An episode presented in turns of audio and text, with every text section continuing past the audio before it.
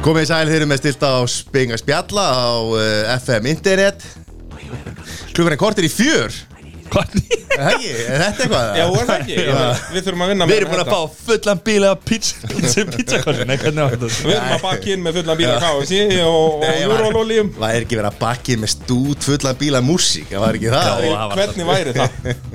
Nei, leðilegt að hlusta mústík Heyrðu- Heyrðum hérna, heyrðum hérna gott lag sem að sem að er reyndar ekki uppast yfir okkar heldur uppast yfir í öðrum þætti sem að er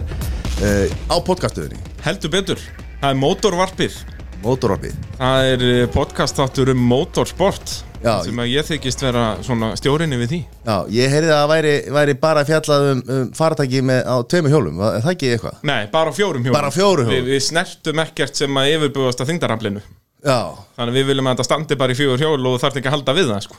já, en nú þykist ég vita að það er mikil toffar aðna og það er einhvern veginn oft ekki það, það En eru menn Hún út- er út ofta á um allt, engum sko. hjólum Já, sko, já. Það er, menn eru mikið að vinna með að, að vera jafnvel á toppnum þarpana sko. já, Þannig að, en, en torfarinn er náttúrulega algjör snilt, hvað, út af þessi gæjar eru náttúrulega snildu geðveikir flest allir, sko. já Þessi eru ökumenn, sko. Ég- þú, þú, þið þykir ekki væntu því þegar þú ert að fara að Nei, ég, stærstu, þú þarft eitthvað eitthva skrítið, sko, þeir tala oft um það að það er svona einhver takki aftan á hnakkanum, þannig að um leiðu að setur það í hjálminn að þá slekkur á heilanum, sko. Þetta virkar einhvern veginn svoleiði, sko. Þannig Já. ég held, að, og ég held að það sé eina í rauninni skýringin á þessu sem þeir eru að gera, sko. Þeir bara vaða Þeir bara vaða, sko. Og, Þetta eru- og, það er búið að skoða þetta, allt. þeir eru búin að labba upp brekkurnar, en náttúrulega geta ekki labbað þetta upp út að þetta er 90 gráða bratt og stundum meir en það og það skiptir engum máli, það er bara að látið vaða, sem er já, náttúrulega geggjað. Sérstaklega fyrir mig, ég stend hann að mynda vel. Já, það þarf að, það þarf að taka þetta upp og þetta er, náttúrulega- þetta er störla sjónvarsefni Já. Það er eins og bara sannaðist hérna á Íslandi í svona í kringum aldamótin. Já. Þegar að Byggi Braga var nú með þættina Já,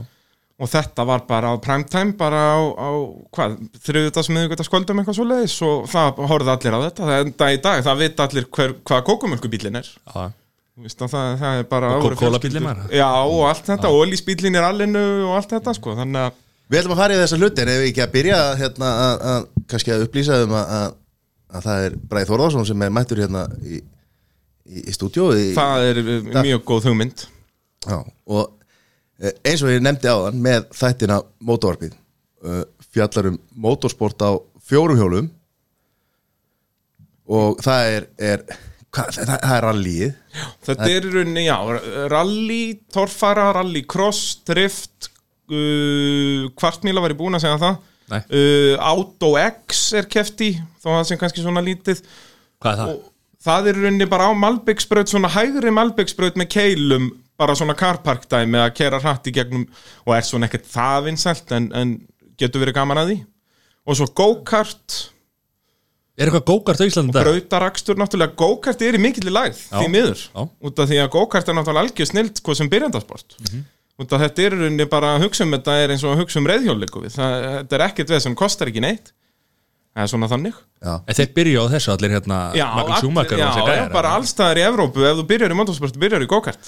Þannig að, og nú Er er, eitthvað, er eitthvað braut á Íslandi núna? ég við erum fór, með þrjár brautir í rauninni ég fór nei, brau, á, sko, brautin í Garabæ ég fór í hana bara rétt áður en að hún lokaði Já, Nei, hún- hún það er búin að náttúrulega loka því. ekki þú gætir í rauninni ekki keft í go-kart og svoleiðis braut, sko, þetta er alltaf þröngt og sleift og þú veist, þetta gengur á þessum go-kartbílum sem við förum í til að skemmta okkur, sko Vá, er en þetta- keppnisbílarnir er þetta eru grínast? náttúrulega mikið mikið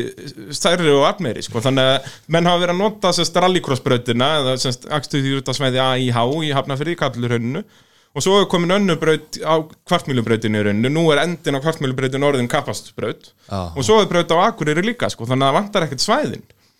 Þannig að- Þannig sko, þannig erum við í- Við erum allar sem viljum viðlýsingar sko. Við vissum þetta ekki sko. Við heldum að væri bara hérna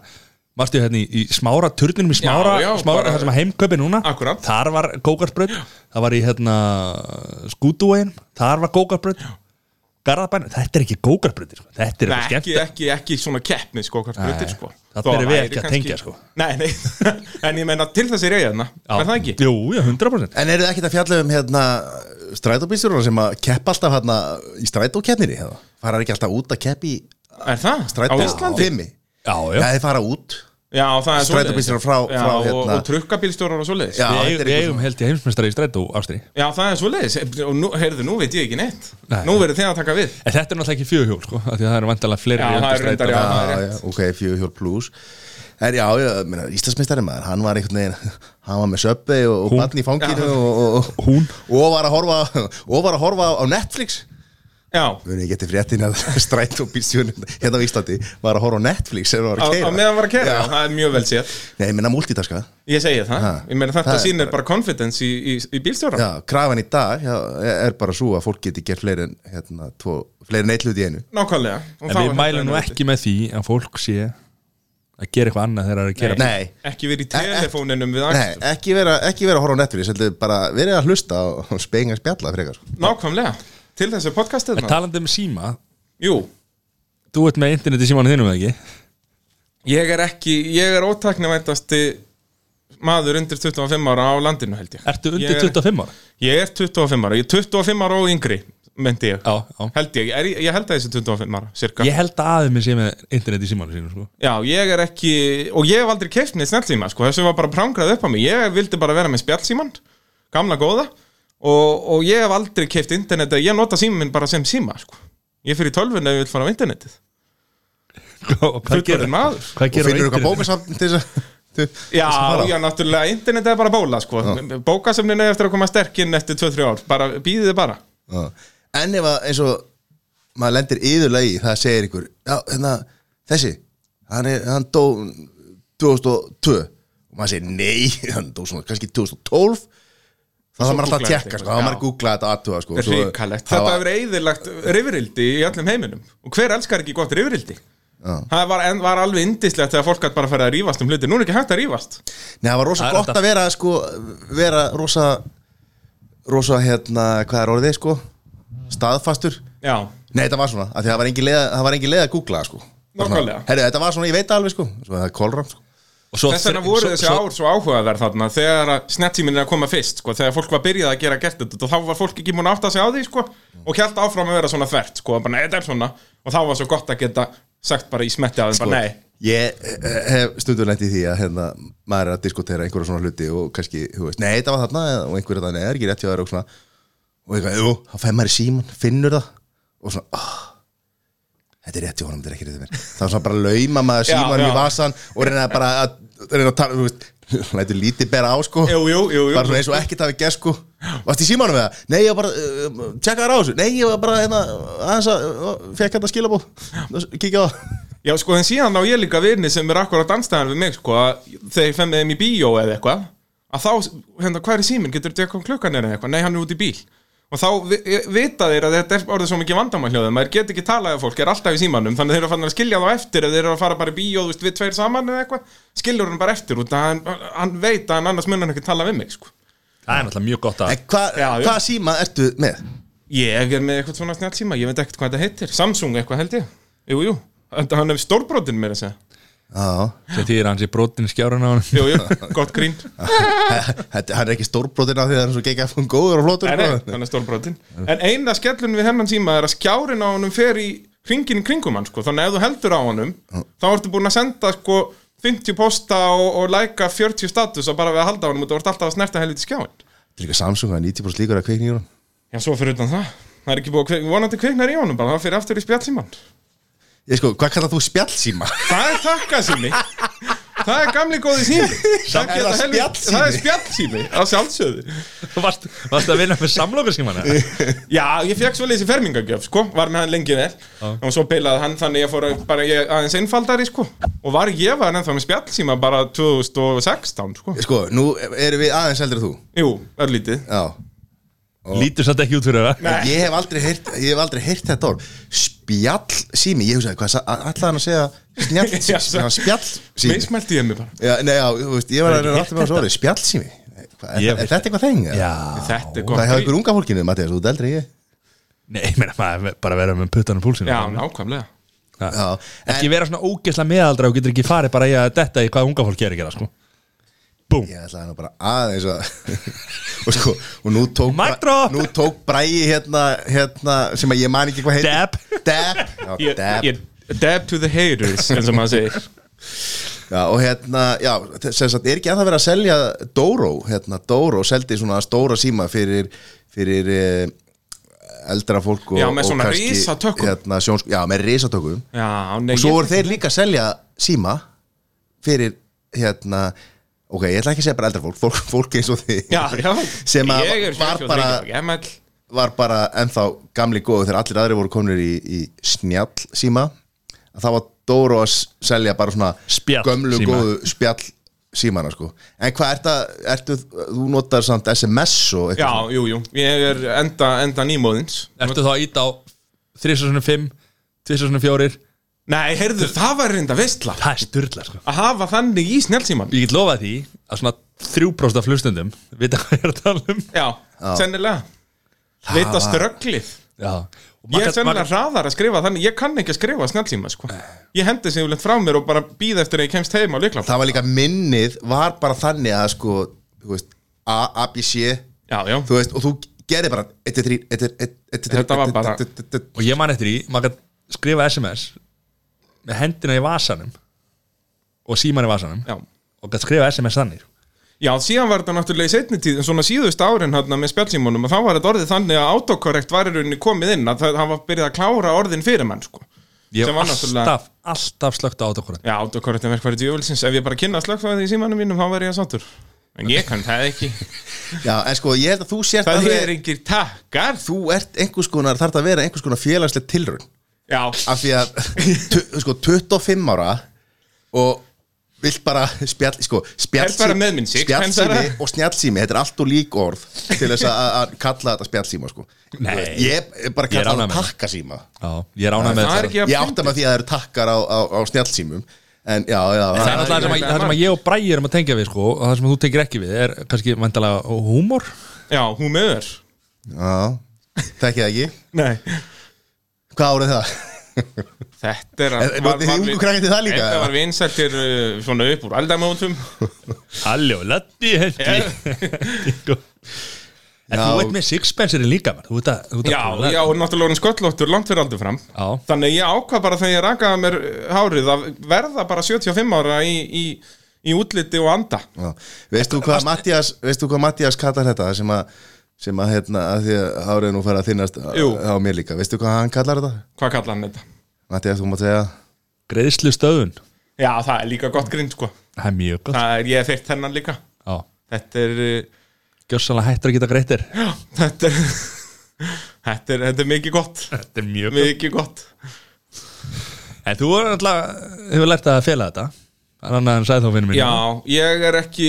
Ég vildi frekar að fólk kom upp að mér svona Hvað, af hverju varst að raka þig? Frekar en það var nú komin tími til Og þetta, ég var Akkur horfður á sæður þarna Já, bara, þetta er nú ég, ég er sennilega með þykkar hár en þú samt En ég er bara búinn að gefa stöp á því sko. Það er alveg, ég gæti alveg safna sko, En þú veist, það er ekkert mikið að frétta Við viljum þakka að kella fyrir komuna í, í spenningarspjalla Nú droppaði mæknum bara og snáða Já, herrið, þú ert með hárvarpið Jú. á um þeim Það við erum fyrir að hálfleistustuð hérna Maður verður að vera, maður verður að improvisa Já, þess vegna hérna þess vegna læti ég ekki freistast þegar ég lappa þetta framhjá að fara inn, það er ekkert að klifa Já, þetta, nei, ég hérna ég veit ekki af hverju hvernig við, við endum í umræðum háraða mér sko Nei, það En er hérna- hérna rétt, ætlum við ekki að tala um motorsportina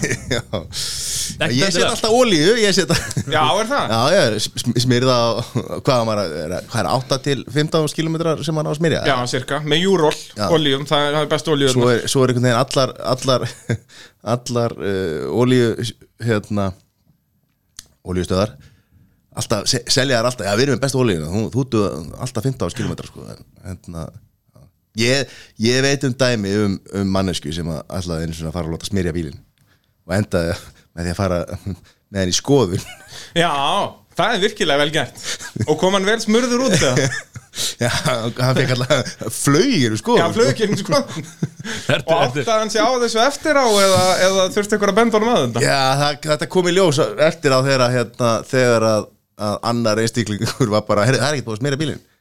með spán í hann miða á, á Þá því er númerablöðin nú ekki að kvarti við því ertu giftur þessar er manneskið í dag? Nei, reyndar ekki Ha? Nei, nei, reyndar ekki, það er, Nú. reyndar ekki. Tough crowd Já, hvar, jú, hvar voru? Við vorum í hérna Hvað hérna, tölum að, hvernig motorsport, hvernig áhugið þinn á motorsporti og eða hann segir bara byrjar mjög er unni ég mann bara alltaf eftir motorsporti pappi byrjar að keppa í þessu bara árið sem ég fættist 93, Hvað, í hverju, byr- 93 maður? já, hann byrjar í, í rally, það hann er sem dregin fyrst bara í- sem, sem sagt í service þá var hann að vinna held ég á okkur vestæði okkur um Service er hvað? service það er bara aðstóðaliðir að gera við bílinn og, og svo leiðis Ok. og þá þekkti hann eitthvað nýjins og hann spurði heyrðu, það er rally núna um helgin eitthvað, getur þú verið eitthvað með mér að hjálpa mér að skrúa á eitthvað og hann bara, pappi, jú, jú, ekki málið og, og árið setna er hann farin að keppa í þessu sjálfur og er svo að keppa í á rally og rally crossi og prófaði torfarna líka og já, og það er henni kom aldrei neitt annað í greina fyrir mig sko að það hérna, bara um leið og ég verið 15 ára, þá sérst má maður byrja að keira í rally crossi í úlingaflóknum og vera aðstóra okkur í rally 15 Já, Já. þá þarf ekki sem að er kallað, aðstofamæðurinn er kallaðar hérna Kóari, Kóari, já. kódræfur Já. og, og ég byrja á því þarna, já, 2008 15 ára gamall og fer svo bara að keira er alveg á fullu um leiðan ég fann bílpró ég var búinn að vera með bílpró í viku þegar ég er mættur í mína fyrstu rallykeppni það var mikil pressa á mér að ná bílpróun út annars hafði ég ekki náð rallykeppni Varstu búin að skráða þig árum? já, já, ég var búinn að skrá mig ég þurfti að fara að láta annan keira með bílun út að það er alltaf svona keppni skoðun fyrir keppni og ég var ekki komið bílpróðu fyrir það sko þannig að það þurfti að keira bílinn í skoðun og eins sko þegar við vorum- vorum að skoða leiðarnar maður gerir það yfirleitt helginni fyrir eða tveim vingum fyrr til að skrifa niður leiðanúturnar sem var aðstóra okkur mann leð sko, hægri þrýr og hæ- vinstri fjórir og allt þetta Förum bara- aðeins í þetta eftir smástund sko, Akkurat, Klára sko. þess að sögu hana og, og, og, og þegar ég er að leiða sko, þá er ég með æfingakstur aftan á bílum sko, það ég var ekki með bílpróf og pappiðin og þá var bróðið minn, hann er tveimur árum eldri sko, og, og þá var hann aðstofaraukumæður og svo já, er ég að keppi rallið þarna bara Var hann kóari hjá þér? Já, út af bróðið minn er tveimur árum eldri hann sess að byrjar alveg eins og ég að vera aðstofaraukumæður 15 ára, þá með pappa Já, og síðan fer hann að keira með pappa og svo þegar að ég er byrjar að keira þá fer hann með mér í rauninni ok En förum aðeins þá hérna í þetta Leiðanótu síst leiðanótu Já, síðan Hvað hérna? það er, getur verið svolítið flókið fyrir þá sem að veit ekki hvað þetta er ég, Besta leiðin eiginlega til að átt að sjá þessu er að spila bara rally í tölvuleiki Út að þá er þetta alltaf, he heyrir alltaf þetta left five bla bla bla og, og þetta er í rauninni, já, bara mjög lýsing, mjög, mjög nákvæm lýsing á veginum fyrir fram að þig En ef við, ef við tökum þetta bara svona alveg þú veist, af Því að við erum, við vitum ekki um þetta sko. Já. Þannig að ég er að keira og þú ert kóari hjá mér og svo er ég bara að keira og þú segir mér nákvæmlega hvort það sé að koma blindhæð Já, hvort það sé að koma hægri beða, vinstri beða og þá erum við hversu búin að krapp beigjan er og hversu langt er í næstu beigju og síðan er alls konar lýsingar orð inn í því, þú veist, hægri þrýr skera því að maður fara mjög innanlega í hann og jafnvel fara aðeins út af hægra megin sérst, að- til að taka beigjuna og tölurnar eru hversu kröpp eigin er Já, En það er nefnilega, sko, þarna er annað sem að er, þarna er kóarinn og bíltjónin sem að ákveða að því að sumi segja að 5 sé mjög auðveld beða en Já. svo segja aðrir að 5 sé mjög erfið beða já, það er unni, þetta er bara system og síðan er sumir nota ekki tölur, sumir segja bara hægri væg, vinstir kröpp allt svoleiði, sko, en tölurnar eru bara það er náttúrulega bæði auðveldar að segja það og náttúrulega þá ertu með fleiri lýsingar ef þú ert bara með hægri væg og hægri kröpp Já. og kannski hægri meðal kröpp eða eitthvað þá er það náttúrulega orðið ansi mikið að segja sko, langt að segja það þegar þú ert á 200 km hraða sko. En hefur verið kóari? já, ég er náttúrulega byrjað sem kóar hann að 15 ára Já. Hvernig finnst þér að vera kóari?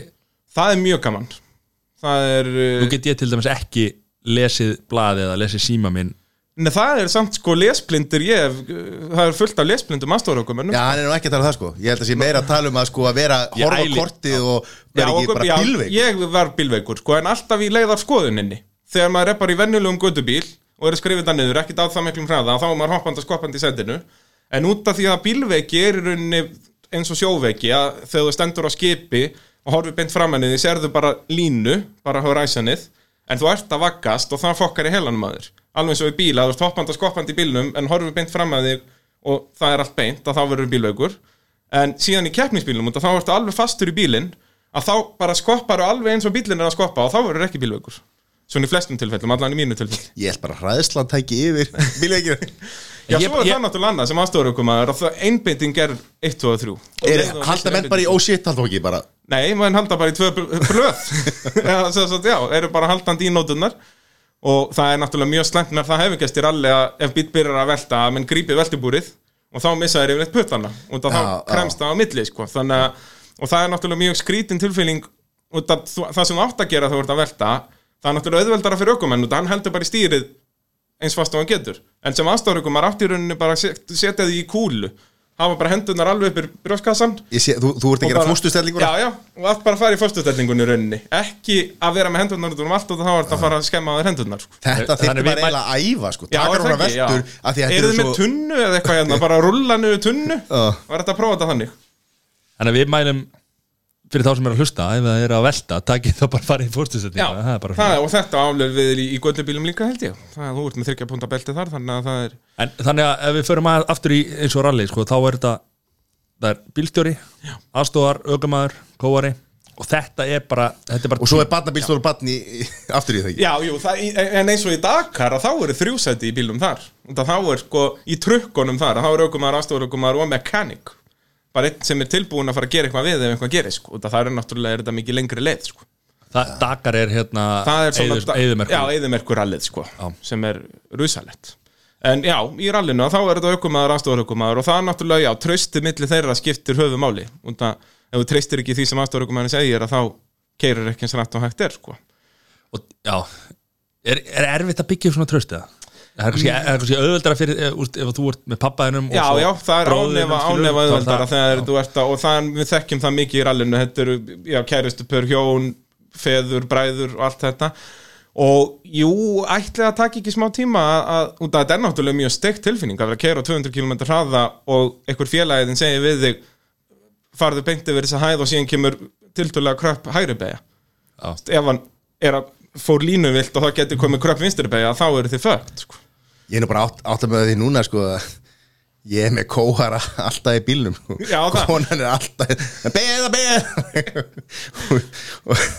og þú treystir henni ekki fyrir skítum öllarsakum sko. Nei, Já. það, það var áhugavert að flegi ykkur í rally Já Já, það ekki, og jafnvel snúa eins og við að láta hann að keira bara að láta þig segja Heyrðu, þá myndi allan að fá betri tíma Já, er það ekki Jú. Hún, Ég væ, held að- hún væri þetta góður allina því að hún, hún hefur þetta úr móðurætt Nú, Þetta eru, þetta eru glæðurir öku, öku fantar sko. og það er ekkert annað Já. Ég held í oh ósitt og Já, ertu búin að rífa það úr kannski fyrir tíma anda já, það, já, hún er fræ, frægur öku fantur sko. Já, já, það er eins og það er um að gera. fleiri, fleiri í hverlegnum hann í fjölskyldinni hjá hann sko. Já, það er svo leiðis, er þetta allt snelt og geða eitthvað þannig ég sagði það nú ekki Þegar að sestum þú varst að tala um það Heyrðu, já, nei, þetta, er- Já, nei, þetta nei. er í ljúast á besta fólk Já, já, hans allsöð, hans allsöð það er ekki undir stýri það er ekki svo það að Er segja þetta rótreits? Hvað er rótreits á íslensku? Öku reyð? Ök, já, ætli sé ekki til eitthvað hugulegar orðið við það samt Öku, öku reyði, jú, kannski Öku nýðingur? Öku nýðingur, já, það er kannski annað það er kannski svona að vera nýðingu kannski það er svo Við þurfum að fá einhvern íslensku fræðing hérna í þessum mál ég ætlaði að mynda að segja, velkomin í íslensku hótnið Já, en hvað hérna, ok, þi, þú varst að keppa hvað varst að keppa lengi? ég eh, keppi til ásins 2013 Alltaf vísa þess að svona byrjandaflokk Þá hérna non-turbo flokkur Og þá er, það eru bara, ég raun orginal Subaruar og, og Mitsubishiar og svona Sest ekki með turbo Og eru bara, já, 120 hestöfl Og eru alveg óbreyttir fyrir utan öryggisbúnað og, og fjöðrun en hvað, ok, ok, hvað erum við að tala um hérna akkur er bara Subaru og, og, og hérna það er bara Mitsubishi? svona vinsalistu bílarnir sko að að- sérst með þetta að- að að það er yfirleitt fundin svona bít sem að hendar vel í þetta og menn náttúrulega prófa alltaf eitthvað nýtt en, en Subaru hún hefur reynst svona já sterkastur og, og bara hraðastur í, í, í þessum byrjanda flokki og svo sem líka í, í aðalkeppni þetta er mikið Subaruar og, og Mitsubishiar það er ekki náðu jari sann það er engin, það er einn af RAV4 samt Toyota RAV4 Já. að gera gott mót í einmitt þessum, þessum flokk sem heitir núna Abja varahlutaflokkurinn já og, og það er alltaf gaman svona þegar einhver brýtur þetta upp kemur á, á öðruvísi bíl og hann er líka bara flottur á því, hann á rafinum Já, en ég sagði að já, verð meistar í þessum flokki 2013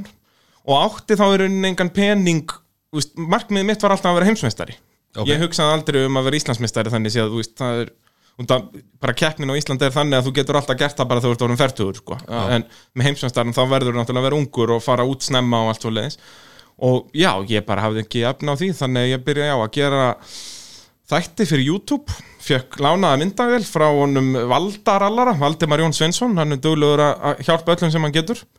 og, og set þessa þætti talsett þá sjálfur og klippi og gera og græja og setja á YouTube og svo þarna bara um haustið fer ég með best- svona besta þáttin á rúf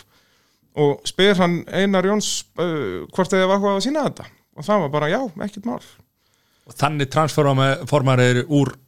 rannleginu yfir í, í Í s- fjölmeilamannin Já, í rauninni en tölum aðeins um, hérna, förum örlítið tilbaka hérna, þegar Já. að þú ætlar að vera heimsmeistari Já, og hérna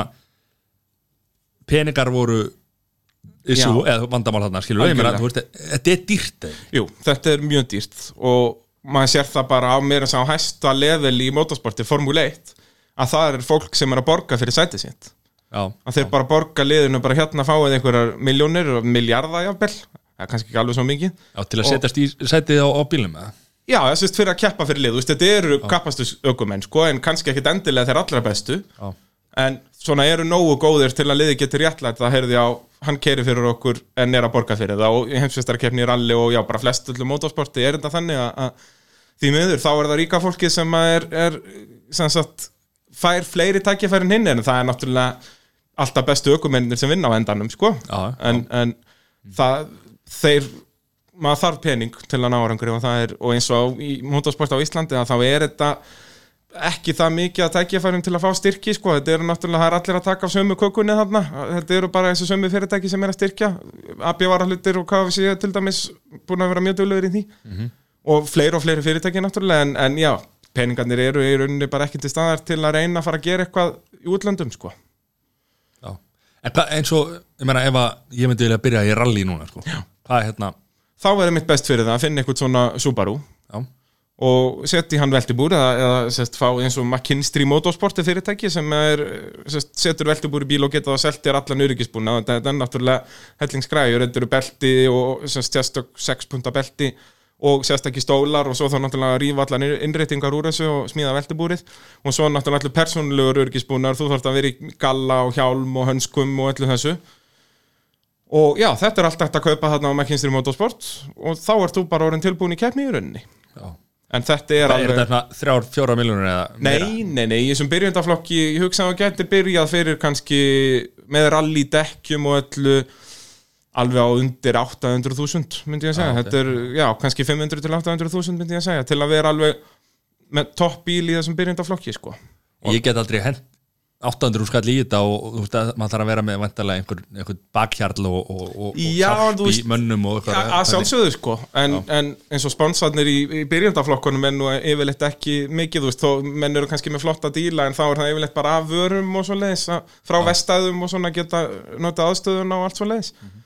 og já og, og náttúrulega rally er dýrt sport það er náttúrulega eins og vorum að tala um áðan maður myndi mega miklu meiri sens að byrja í go-kart eða ykkur í slíku sko, þar sem að bílinn kostar bara 100 ásum kall og þú þarft ekki einu sinni alveg að flottan galla og hinna, nóg að vera bara í svona einslaga galla, bara eiginlega svona servisgalla eða þannig Já, og svo þarftu bara hjálm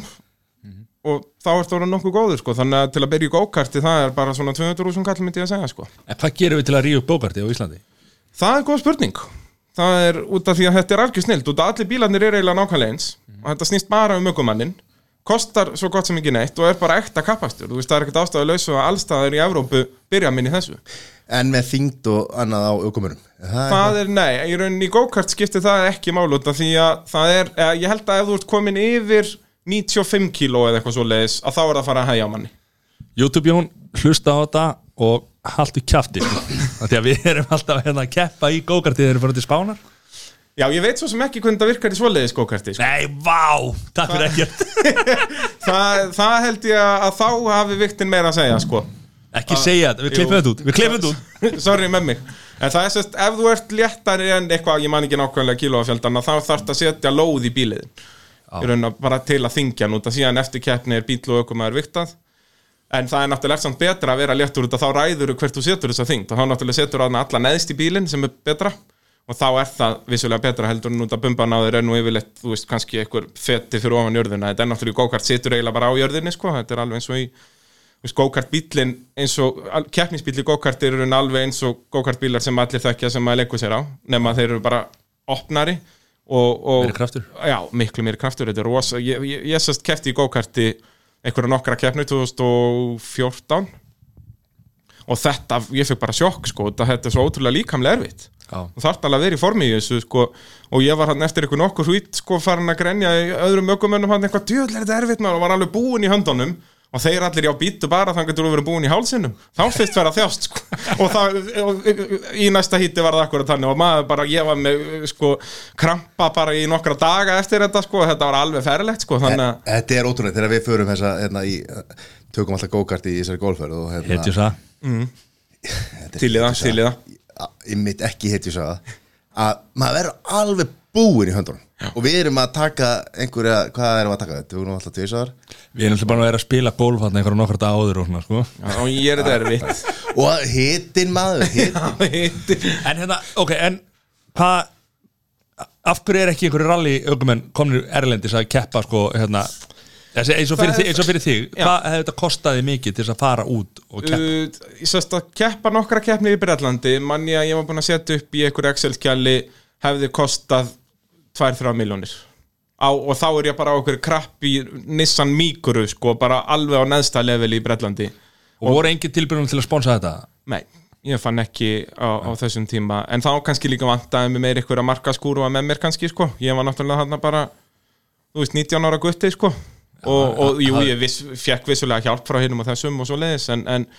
nei, það var engin til að taka hennar slag og það er náttúrulega er annar skellur í þessu er að, að þú getur ekki notað þinn eigin bíl út af reglunar á Íslandi eru svolítið öðruvis en Erlendis og bílarnir sem eru vinsælæstur Erlendis eru já minnstu bílarnir Nissan Micra og síðan er þetta framdrifs Ford Fiastur og eitthvað og þessi bílar bara virka ekkert á íslensku malavegum út af þetta er svo svakalega grófir vegir hérna að maður verður að vera á einhverju svona já eins og Subaru forvildræf eitthvað Já, þeir eru allir fjórhundir í þennan Já, í rauninni, það er eindrisflokkur og það er alveg nokkur eindrisbílar en, en svona, já, vinsælasta byrjunareiturinn eru þessi Subaruar og það er í rauninni hvergi út í heimi er keft eitthvað svona competitively á svoleiðis bíl En hva, er þá ekki gott að vera á aftur drifnum bíl í, í Það er mjög skemmtilegt að vera afturtursbíl og það eru nokkur afturtursbílar en, en þá ertum við mikið að slæta út um allan veg og það er teknilega séð ekki hraðasta leiðin það, og það hefur sínt sig að framdrifsbílar sérst ef þú ert á eindrisbíl hefur framdrifið yfirleitt verið hraðar en afturdrifið sko Já, að það er eins og bara þú segir sko menn, eða þú veist, fyrir menni svo mig sem að þekkit ekki eins og þú sko að þá Mm. bara það er, það er impressa og, og það er hérna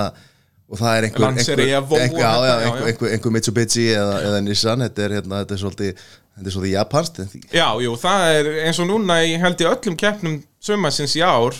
hafa bara japanski bílar verið skráða til leiksa á Íslandi það er engin á bara, þú veist 318 BMF Nei, það, er, það var einn BMW sem var búið að senda Honda-vél í í rallinu og það, hann var alltaf að lendi því að sérst afturhólabúnaðurinn var að brotna, hann var of veikur og þá er nú með mikið af þessum bílum þarf að smíða í rauninni sér hjólabúna undir þetta til að þetta þóli átökin og þess vegna í mitt eru þessi Subaru og svona vinsælur og þar bara hoppar inn í hann og fer að keira í rauninni það er mjög litlar breytingar sem þarf En þessi sem var þá á þessum BMF með hónduvélni Já. Var ekki bara einfaldar að, að hérna, vera bara hóndu Jú, algjörlega sko Hondurinn sem að tók Þetta er- vélin úr. Já, það er algjörlega sko, en það er ekki af töff Nei, nei já. Þannig að if you can't be the fastest, be the flottest eins og menn segja Já, já Já, já, einn góða maður sem sagði alltaf sko, skiptir ekki máli hver er bestur sko, það- hver lukkar á vellinu sko Nákvæmlega, nákvæmlega Þannig að það, og í rallinu er, er það á það alveg jafnvel við sko Já, hver er það munurinn á rally og rallycross? Rally sem sagt fer fram á bara lokuðum þjóðvegum á Íslandi Þar sem er, uh, sem sagt, já, þetta eru bara malavegir út um, út um allt land Yfirleitt eitthvað stóri upp á hálendi Ekki Og- þjóðið eitt Ekki þjóðvegi eitt, þó að þjóðvegi eitt sé ekki sem ferjuleið Út að rall skiptist í rauninni í sérleiðar og ferjuleiðar Sérleiðarnar eru þær sem eru lokaðar og þar er tíminn tekinn En síðan þarftu náttúrulega að keira milli þessari sérleið og þá ertu bara í opinu umferð þannig að rallybíl þarf að vera með skoðun þetta er bara venjulegu gödubíl í rauninni sem er búið að breyta í rallycrossi ertu bara á braut og þá ræsa margir saman og þá er þetta kappakstur í rauninni og, og, og menna en svona klensa á hvern annan og allt þetta og skipta milli Malavegs og Malbyggs Já, í rallycrossi er smá malbygg og, og smá möl og rallið getur náttúrulega skipst líka sko, það er alveg, er- reyndar ekki á Íslandi en út í heimi eru malbyggsröll sem eru bara á malbyggi og svo snjóröll og, og náttúrulega á Íslandi er þetta bara eh, malaröll Eða taka náttúrulega á hérna bryggjum og eitthvað svona Já, já, svona við smá- tökum ein og, ein og eina leið á, á malbyggi en það er engin röll sem eru bara malbygg en það er náttúrulega í mörgum löndum er ekkert annað í bóðið út en það er eiginlega engin malavegir sko. og eins og í Danmörku og þessum löndum þar sem að allir sveitavegir eru Þetta malbyggaðir er náttúrulega kosturum við það og það er svona mælum við með því að við séum ekki malbygg allar vegi sko. Já, algjörlega, eins og bara þverarfjallið fyrir norðan sem er sem sagt bara leiðin frá Blöndós yfir á Söðakrók að það var besta rallið á Íslandi og það er búið að eðilegja hana núna eftir að hafa malbyggað hver byrja ábyrða því? Það er einhver ríkiskallar þurfum við ekki að finna, finna Þa, þessa menn já, það og- þarf að finna þessa menn, ég meina Já. það er verið að byggja hérna fótboltahúsum um alla land fyrir marga miljónir og af hverju ekki að byggja góðan hérna rallíveg, þetta, Tal- er- þetta er íþrótt eins og annað Talandi um það, á leiðinni til Keflavíkur það átt að vera einhverju mesta sko, hérna, Já, Æsland Motor, Motorpark já. það varð aldrei neitt úr því, það var tekin einn skoplustunga og svo, að já, það vantaði pening og verður ekki þetta Nei, nei, þetta var einhverja hugmyndir hann 2006-7 Þetta átti að segja þetta fyrir, fyrir hlustendur að, að hérna, þetta átti að vera upphituð rallybraut fyrir Já, við erum bara kappasusbraut Kappakstursbraut. Þetta- já, Þetta átti bara að vera svo form- Formule 1 braut Já. og hugmyndi var vegna þess að þetta er svo nálat keflagur flugulli að liðin getur komið hingað og æft í alls konar aðstæðum Já, hugmyndin sturluð Já. Og þetta, þetta getur alveg mega sko. sens Já, algjörlega, þetta var virkilega góð hugmynd en svo náttúrulega kom bara eitt bankarhund hann en er ekki og- bullandi góðari núna er ekki hægt að Já, henda í hvernig væri það? Við þurfum að fara að rífa upp skoplunar og fara að redda Það þess er eitthvað, eitthvað kólna Er maður að lesa í blöðunum Nú, já, maður lesa það í blöðunum, já mm. þetta? Já. Já, þú ert að lesa þetta í blöð, ekkert að lesa þetta í símanir Nei, ég er bara, ég, ég nenn ekki að lesa fréttir sko. ekki leiðilega fréttin Ekki leiðilega fréttir, sko, ég les skemmtilega fréttir lífið Hvað, er það smartland eða? Smerti, stoppaði Það, hérna, nei, ég er ekki Þetta er ekki, ekki minn tepolli að vera eitthvað Vesenast í pólitíkinu og eitthvað Ég leiði öðrum að vera í því bara Það er en fínt. að skemmtilegri málum Hérna, Já, nákvæmlega. rallycrossið Já, þar getur er, við byrjað 15 ára já í úlingaflokki og það er alveg vinsat flokkur Það er alveg, núna eru fjóri, fimm, sex Jöfnvel, sjö, átta keppendur og hverju keppni í, í, í þeim flokki Það kemur náttúrulega í svona kynnslóðum sko að- að Undan síðan náttúrulega úr dórinn 17 ára verður að fara upp um flokk Eða, sest, Þú getur verið 17 ára en ekki 18 ára í úlingaflokknum Já. og ég byrja sérst í þessu þegar rallycrossið er að byrja aftur í rauninni, rallycross var mjög vinsælt hérna eins og aðrar aksturjúröttir í kringum aldamótin svo deyr það eiginlega þarna alveg já, 2004, 5 eitthvað svo leiðis og svo er ekkert keftið þarna 5, 6, 7 Hvernig á Eitthvað Guðni svoleiðis. Bergson að keppa í hérna Nei, ekki Guðni Bergson, og hvað heitir hann heitir hérna Nei, hann var á possinum hann Guðbergur Guðbergur hann er að Aðalsteinsson. keppa fyr, Vá. fyrir aldamótin hann Já. er að keppa þarna svona 93 til 97 Svo var eitthvað gæði sem var á Mustang Áskerur Rúnarsson, Ásker Örn Rúnarsson hann var rosalegur Það er- og- Ég er nefnilega hérna, ég hafði svo gríðarlegan áhuga á motorsporti Já, þetta er einmitt annað, þegar allir voru að horfa á motorsportið 97 var hann rosalugur Já. og styrluð staðrind pappi kaupir þann bíl af áskýri Já. keppir nokkra keppni, verið byggarmeistari þannig í rallycrossi á þessum ofur Mustang Ég kom mér í samband við Ásker mm. Talaði við hann Já, og haf, sagði, þá var ég 15 ára spurði hvort að hérna hafði mikinn að hóða á þessu og, Já. og, og bara rætti við hann og, og ringdi í hann bara það var ekkert að senda e-mail eða neitt nei, svoleiðis. nei, ertu klingur ringdi í hann og hann sagði bara Í spjalltímanum já, í spjalltímanum Já, já, skífi símanum og hérna svo ringdi ég hann og hann sagði bara koma næstu hérna keppni og hann myndi taka hring með mér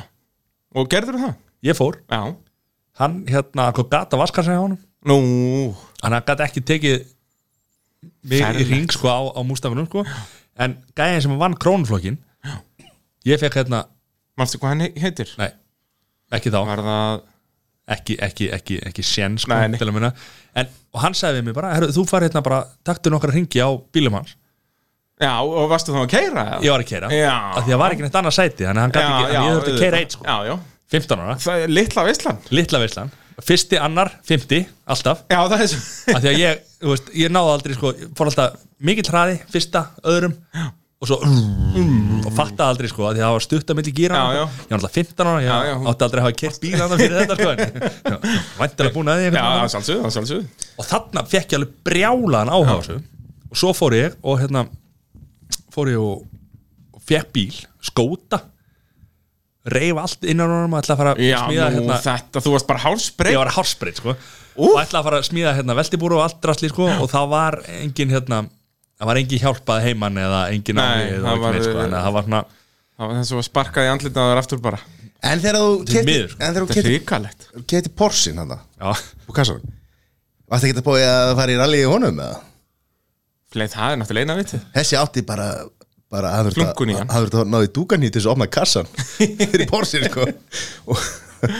Já, hann Guðbergur, hann kefti nú í rally líka á Pors, sko, hann var á, á og meira þess að annan Pors, hann var með, hann var nóg til á Porsum á, á þeim bænum, sko og til að peninga þannig Já, já, já, já, já, við höfum já. ekki ágjörða því Og hérna, þannig að hann kefti í rally líka, það er enda gekk svona misvel Rally náttúrulega Porsin er kannski ekki alveg fyrir íslengum alvegina, sko Nei. En ótrúlega hann náttúrulega var geggjaðu karakter og var það hann í motorspörtinu á þessum tíma sko. Ég man einhverju leiðin á, á pórsunum í rallinu að koma hann út á honum og allur afturöndin hafa kviknað í honum öllum. Og, og það er komið út og minnir að það hafi verið þannig að þeir hafa verið búnir að fara út og slökkva en það bara slökkvutækin voru búin í bílunum bæði slökkvutækin og duftið var búin þannig að ok, við keirum bara í mark flottir á því sko en hvað er hérna Bir- Birgir Braga Birgir Þór Bragason. Birgir Þór Bragason. Já. hann því líka legendið já, það er bara þannig, hann byrja með þættina hvað ætla sé ekki, 89, 90 eitthvað svo leis og svo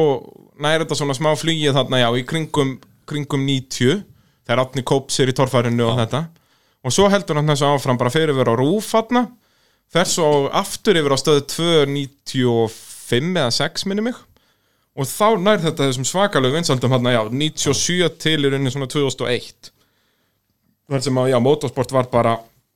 á vörum allar landsmanna í rauninni Já. A- a- þarna var ég í, í dekkjanum á tófarinu líka sko. Já, er það þú varst að, í brekkunum alveg brálaður? Já, já. já. já lístnir á því, það er sko, eins og ég segi, þú ert hálfsbreytt frá því að vera með mótavarpið núna, sko. Nei, það er bara ég- neitt að setja veltibúrið í, í, í skótan. þetta var ekki að nennar sko. ég var 15 ára, ég hafði ekkert verið að Já. gera þú það veist, sjálfur það- sko. Nei, nei, þú hafðir þurft eitthvað, eitthvað að mæta menna. aðeins, já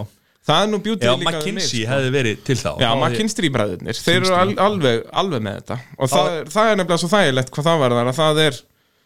bara fyrir, þú fer bara með bíliðin hann og réttið um leikilinn og þeir redda þessu sko. það er náttúrulega, það hefur eiginlega aldrei verið þannig þjónust á Íslandi Hérna, tökum við smá Tölum í að þeir sér hérna. tilfinningar. Hvað, hva, maður kynleifræðin, maður kynleifræðin McKinstry McKinstry, Já, þetta er mjög- bræðir, og hvað hva gera þeir? Þegar maður bara með bílið þangað og skiptilíkir og hvað gera þeir? Nei, ekki einu sinni skiptilegil, þú bara réttið um leikilinn og, Já, li, já bara líkilega Já, bara líkilinn af bílnum og, og, hérna, og þeir smíða í bílinn veltibúr og setja í hann stól og, og öryggisrofa og allt þetta sem þarf já, hvað gerir öryggisórin? hann er raunin kvöttar og Hringir í dættar á mömmu, eða? mann já, hann ég er búin að velta og hérna og já, það er bara rafmaks öryggisrófi þannig Já. að eins og þegar þú Upp á- veltur eða, eða fæstit í Já, upp botni á eða eldhættu steng- Já. litla djöfisins partíð þegar hérna, Sæþór hendur tveimur kúlum í, í, í hérna, í, í McKinstry mikinnstri já, það verður við förum í podcastuða bílinn þetta er förum að fara við að rallið, gera sko. bara við bara hjólum í þetta nú næsta vetur við verðum bara rétt í 2020 oh. þú ert ekki að fara að kera Sæþór sko. ekki sén sko. Ekki þú heldur, maður, þið maður, hvernig, skiptist hvernig endaði á. Böggi hérna um daginn hjá þér? Böggi endaði mjög vel Það endaði út af Þó, það var hvað einn áttu jú- böggi? nei, hérna, við fórum í hérna, vorum að stegja já, fórum í Böggi hérna, Adventures maður og við mælum ríkala mikið með því með hérna upp á esimilum jú og þá var hérna fórum við þetta er klukkutíma túr og ég og YouTube Jón hérna sem er frægur á, í, í þættinum okkar hérna hann hérna, hann kerði hálftíma svo kerði ég tilbaka sko. já, ég held að hann hefði skitið tvisar á sig Sko, það, það, það sem að gerðist þarna það, á, á þessari bakalið þegar, þegar Matti var komið við stýrið þá endaði þetta þannig að, að, að, að hérna, bílinn endaði ekki út af en hann var út af hérna, einhverjum, einhverjum tímapunkti jú og, hérna, og það er náttúrulega dekki, dekki sprakk náttúrulega sko þá var allt stopp og það þurfti að hérna, ná í bíl og annað sko þannig að ég tók YouTube-bjón upp á mína arma og inn í mín bíl, Já, inn í já. mín bíl sko og hann var hann var í áfalli sko það þurfti áfalla hjálp bara og ég bara var að hugsa um að ringi prest að fá áfalla hjálp sko og hérna og hann saði bara nákvæmlega sem að þú saðir á það með tófaru hérna, mennina í, Já. tor, menn og konur í torfarunni að að þessi takki sem að sem að hjálmur slekkur á Jú. að því að YouTube Jón saði bara hann, hann var að segja með söguna alveg í áfalla hann, sagði, hann bara settist í stýr og bara kveikt á bylum og það var bara eins og að það var bara eins og að bara einhvern veginn bara hann hefði hætt að hugsa rökrétt Það er rétt að leiðin, sko. Þú Ég er, veit- þú ég er er að se- flottur í torfæri. ég væri nefnilega flottur í Ég tófarni held það, sko. en að ég fylg, fylgst mjög mikið með tófarni sérstaklega í gamla daga. Já, já. það- Þetta hefur nú ekki mikið breyst. nei, Þannig að- nei, nákvæmlega þegar hérna Átni Kópsson var og, og hérna Gísli G og svo var Sturla Jónsson Já, frægi já, hérna, leggsendið mótmælandi sko. maður, já, Fra- fósetta frambjóðandinn. Já, þegar hann vald bílum þá fór hann alltaf einhvern veginn upp á toppin sko, og var- Já, og var sko. misti þar, það alveg, það er náttúrulega besta mómenti á stölla er þegar hann var búin að lofa áhórundunum að ef hann myndi ekki komast í, í yfir mýrina á hellu, myndi hann labba hana Já, Hann komst tvær bílindir eða eitthvað og hljóp síðan hljópröður Helviti góð. sko. Hérna erum við með hérna Nei, anskotin Þetta klikkaði Er tæknin að stríða okkur? Já, Þetta er skellur við hérna Þetta var græða þetta Það voru að græja þetta Það er ekki- Svona það- er þessi Nei, símar ha- já, þetta er bluetooth sem Þetta er að- virkar ekki Klikka hérna, sko. Við erum að hérna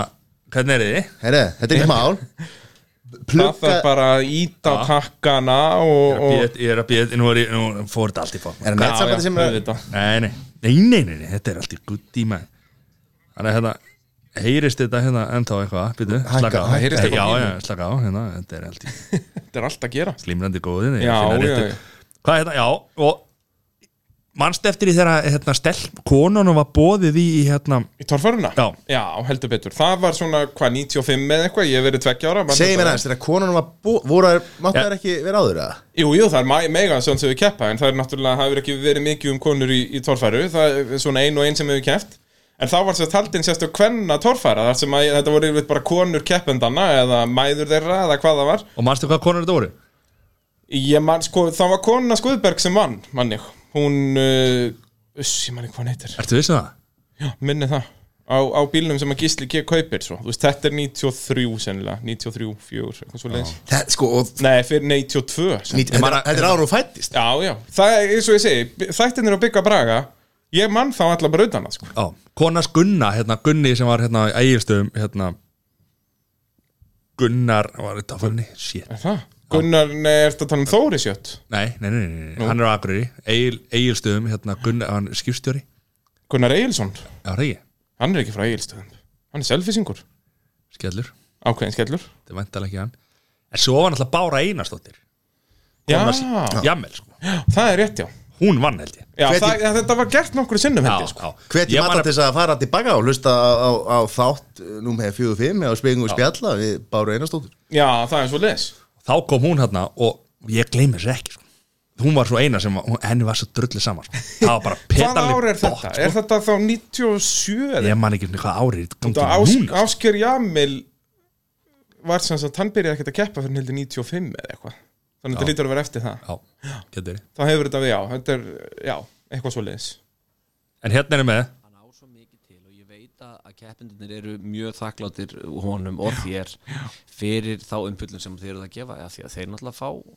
því meiri fimmfyllur, því meira sponsir sko. hjálpar öllum já. en ef við förum þá hefur stöðuna í Noregi að það var Skúli Kristjáns Hérna erum við að tala um sko bara Bessi, okkar Heldur besti betur. maður okkar maður af vettvangi hann er að útskýra hérna fyrir því þetta við tökum þetta úr hérna öðrum þætti af, af mótavarpinum og þakklátti fyrir það hvað, hvað þið er að gera þú og hérna og Jakob til Jakob, dæmis já. sem er að að mynda þetta og setur á, á YouTube-rásina sína í rauninu og lætur mig hafa efni í þættina mína á, og þetta er svo, þetta er svo óeigingjart starf sko sem að hérna þetta er, er þetta ekki bara ástriða ég meina, Algjörlega, það er sérst, ég hef ekki unnið almennilega vinnu bara síðan 2015 líku við A, og jú, jú, ég fæ vissulega eitthvað fyrir þetta en ekki til að réttlæta þetta ég bý bara hjá föðu mínum það er ekki, ég er- hef aldrei átt almennilega pening en það er eins og þú segir, þetta er bara ástríða ég elska þetta sport svo mikið að, að já, ég er tilbúin að eða tíminum í það ég held að það sé svona hæsta levela ástríðu sem hægt er að finna í rauninni þegar þú ert bú- tilbúin að fórna þínum eigin tíma í þetta en hvað hva, hva þurfa að gera til þess að hérna eins og formal offroad eins og tófarinn er kölluð Já, á erlendri tungu af hverju er hún ekki vinsalleldur en formúl 1 Það er fyrir góð utan spurning. peningana, fyrir utan peningana vegna það er þetta er miklu náttúrulega- meira miklu meira aksjón Já Og, og það er rauninni markmið hjá mér er að að gera þetta vinsalt erlendis og það eru fleiri að vinni í því Guðbjörn Grímsson og, og fleiri sem er búin að vera duglegur að fara í svona útrás með torfaruna og hérna já, þetta náttúrulega tekur allt sinn tíma bara og þetta náttúrulega þarf peninga líka að það er, ég er vissulega að selja mína þætti erlendis en þá þarf náttúrulega það kannski aðeins að auka svona production value-ið í, í, í þáttunum sem gerist náttúrulega bara með betri búnaði og, og öllu svoleiði sko eða er hægt að fara að launa fólki Já. sem að ég er nú kannski svona svolítið langt frá að gera núna en, en jú, þú veist, þetta kemur bara hægt og rólega og það eins og þú segir að þetta er ótrúlega áhörenda vænt sport og það er ekki bara aksjónið í kringum þetta á velturnar og hasarinn að heldur íþróttin sjálfur er mjög áhugaverð þú veist hvernig stegagjöfun virkar og hvernig aukuminn er að nota taktík og annað til að vinna keppnir sko. Já. Ég hérna, þurfti að breða mér aðeins að bæja og mista þess að við vorum að tala um hérna, þetta óeigingeta starf sem að sem að þú byrjar eh, sko eh, bara tvítuðu gutti já, í að- raunni að búa til og mæta með kameru Já. og þá var þetta ekki hérna uh, á þeim tíma, jú, sínt á þú ætlar að setja þetta á, hérna, hugmyndir að setja á YouTube já, og úr þessu verður þessi, sem sagt, þetta gerir þess að þætti og eru sýttir á rúf og hérna, þannig að má segja má segja að þú hefði bjargað motorsport á Íslandi ég kannski ekki svona ég hafi bjargað í einn og sér sko, en, en svo ég blási aðeins í minn eigin lúður Þú að ert, þá- þú ert vissulega- góliat í þessu bransa Algjörlega, ég er alveg, ég er með þetta Nei, hérna, vissulega hjálpar þetta alveg Og ég hef alveg heyrt það náttúrulega sérstaklega frá keppendum Hvað það er náttúrulega orðið mikið þægilega fyrir keppendur að að sækja styrtaraðal og annað þegar þú getur sagt Heyrðu, já, síðan verður þetta sínt á rúf Já, það er nefnilega málið að því að ég, maður horfði á í En akkur, akkur segir alltaf þetta sínt að rúfa, akkur talar ekki um þetta sínt Á, á podcaststöðinni Það er Þetta podcaststöðinni nákvæmlega, sko Nú er hægt að segja það líka, sko Það, Og það auðvitað hjálpar líka Nei, það er nefnilega að því að þetta var, þetta var hérna, maður horfði á þetta í gamla þetta á Rú og, sí, og stöð 2 sport, nei hérna þá hérna nú held ég hérna bara stöð 2 Sín Sín, já, Já, já. Og, og svo kom þessi hérna lægð Já. og, og þetta dettur u- upp fyrir Já, Þangað til svo að- náttúrulega það re- reyndi alveg, það voru motorsportþættir að næðans á milli, það var á rúf voru nokkru þættir bara einhverju tveir, þrýra ári og þannig það er svona 2012-13 cirka og svo náttúrulega fjalla við bara, þú veist, já, út af því að það var ekki til penningur, sko, þá sem sagt voru mér ekki tilbúin að eyða sín megin tíma og, og sem sagt sóa penningum í rauninni í þetta, sko. En Svo er Skilurðu? bara- það sem er gerðist í toffærinu hérna, mann ekki hvað ára var það var, þeir skipti sér upp sko, það Já, voru orðin það, er- og tvær það var ekki bara torfarn það, er, í rauninni- það kemur nýtt akstus samband á Ísland það voru tvö sambönd að halda keppnir og það fór allt í, já, það er svona má segja að það hafi, verið, hafi felt motorsporti, það var í rauninni samkeppni var orðin of mikil en það, þú veist, þá voru líka komnir svona, já, ekki kannski alvöru peningar í þetta menn voru náttúrulega mikið að lofa upp í erminn á sér peningum og og já, það er í rauninni það sem fellur þetta það er, þá, þá kom þetta auka samband þarna og þetta splittast upp og hitt sambandi náttúrulega endist ekki lengi út að þú veist, þeir lofiðu peningum sem voru ekki til sko, en alveg eins hjá, hjá hinnu sambandi í rauninni að það er eh, já, þegar, þegar að peningarnir verða svona í svona litlu sporti þegar allir þykjast vera vinnir að þá er þetta mjög fljótt að springa þegar að, að sumir halda aðrir síðan að fá peninga og, og allt þetta sko. og það er náttúrulega við lærðum bara þeirri reynslu og, og vonandi gerist það ekki aftur í rauninni en nú er erum við, erum við að, hérna, ég ætla ekki að segja píka við, við, erum, að, við erum að vinna núna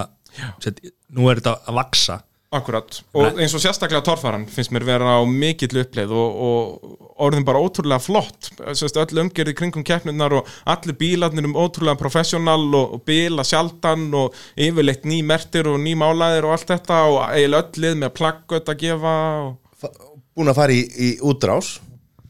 Já, já, til bandaríkjana og, svo Bandaríkjanna náttúrulega- og og svo líka til náttúrulega- hérna í, í þessari, að því að þetta er nú heimsmeistara kefni Já, það er sem sagt og hefur verið heimsmeistarakeppni tengt er í- svona norður, norðurlöndunum kannski aðalega sko, ég er með, ég er með einhverja klippið þetta, mann ekki hvað það var já við, við heyrum Arnason,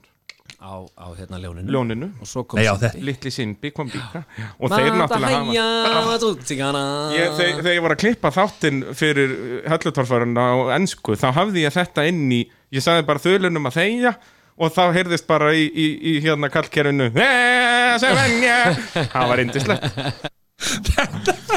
Bessi er náttúrulega alltaf mikið með þetta, sko. þetta er bara, og hann gerði þetta á hellu sko. alltaf þegar Simbi fór í brautirnar að þá fleigði hann í Lion King þeman sko og, og það er náttúrulega, og maður heyri það líka þegar að Bessi er á þölinum að þetta er bara 5 klukkustunda uppistand sko, sem hann býður upp á þess vegna mælum við eindri með að fólk kíki á sko, ég tala nú ekki um að hlusta á þáttið þinn á, á, á, hérna, en að fara mótorvarpið á og- torfærukeppni, það er náttúrulega allt önnur upplifun að vera á staðnum og horfa á þetta í sjónvarpi sko. Já. að það er eins og núna er keppni á Akranesi sest, um næstu helgi, ekki núna um helgina heldur sest, 20. júli stutt frá bænum, nú kostar ekkit í göngin að um að gera að kíkja þangað, þú ætlar ekkert tímann að kíkja á torfærukeppni hvað kostar á tófarkefni? ég held að þetta sé 2000 fyrir fullorðna og fritt fyrir 12 ára yngri eitthvað svo leðis Þannig ég get farið og tekið sæðum með mig bara frýtt Já, nákvæmlega, hann, kottnungur drengurinn Það er ekki með hára höfunu Ég segi það þetta-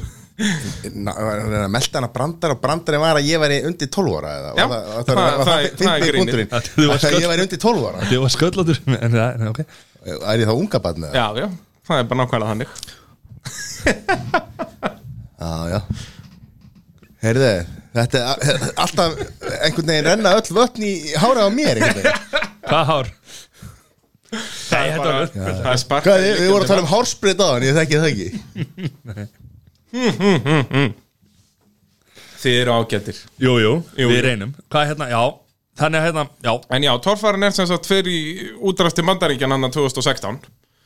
og er keft í Tennessee fylki í bandaríkjanum sem er einstaklega skrítin upplöðun að fara ég fór að mynda þetta hann fyrstu tvö árin og fólkið hann er náttúrulega létt geðveikt sko, þetta er alveg í djúpa söðrinu sko, ég man eins og 2016 að þá var náttúrulega Hillary vs. Trump í fullum gangi sko, það var ekki búið að kjósa og ef maður myndist á Hillary Clinton þá var bara haglarinn tekin, hann var nú yfirleitt bara við ruggustólinn fyrir utan sko Á, Ah, Það er ekki að grípa langt í hann, sko get out here og það, og, og þú veist, eins og með bara trúna þarna, frá hótelinu og að grifjónum sem þetta var í var tíu myndna akstur og við kemum fram með 15 kirkjum Já, þetta er allt bara, og, a, bara billboard sliðin á öllum hérna, götum bara með að hérna, kenningin með að við komum að öpum er bara þvæla og það er svona mynd af öp, manni að verða á appa og x yfir, bara trúið þið virkilega þessu við fáendanir ykkar og all, þetta er allt svona sko kolbilalið, en indislegt bara sko vináttan og, og, og good shit moonshine já sem við höfum nú ekki þetta er enda bara eins og vondurlandi en, en maður var að láta, og síðan náttúrulega næsta ár komum við allir með landa með okkur sko, og þá lifnaði hann yfir Amerikonunum sko, nú já, er hægt að gera þetta svona miklu betri en múnsennið sko Þið bara, með einhvern bara beint frá hérna, li- litla raunni já, ég beint úr klósettinu þannig maður Já, ég- það var þetta kannski upp á, hérna, upp á hólsið eða? Já, bara hvað er- Já, það er nú svo það, það er unnum það Önnur en svo dýpi. náttúrulega er torfara og hefur verið keft í torfara á Norðurlöndunum alveg í tíu ára sko. að, sest, við förum fyrst til uh, hvort það var Svíþjóðar held ég 92 eitthvað svo leiðis En er, ok, nú bara spyr ég bara reynd út en það, er, eru, eru meiri peningar í þessu núna eða voru menn er, er ódýrar að ferðast, af því að menn voru ekkit að fara erlendi, sko Nei, að þú veist, eins og í rallinu að þá voru menn mikið að fara elendis hann bara 1980 eitthvað og 70 eitthvað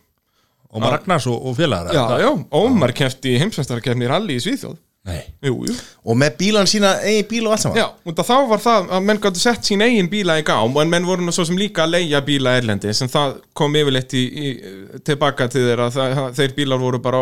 drustlurinni, þessir leigubílar en þá gáttu menn út að þá voru bílanar á Íslandi svo svipaðir þeim sem voru að keppa úti og það var bara, þú veist, já, teknir ekki jafn mikilega þannig að menn gáttu farið með sín eigin bíla út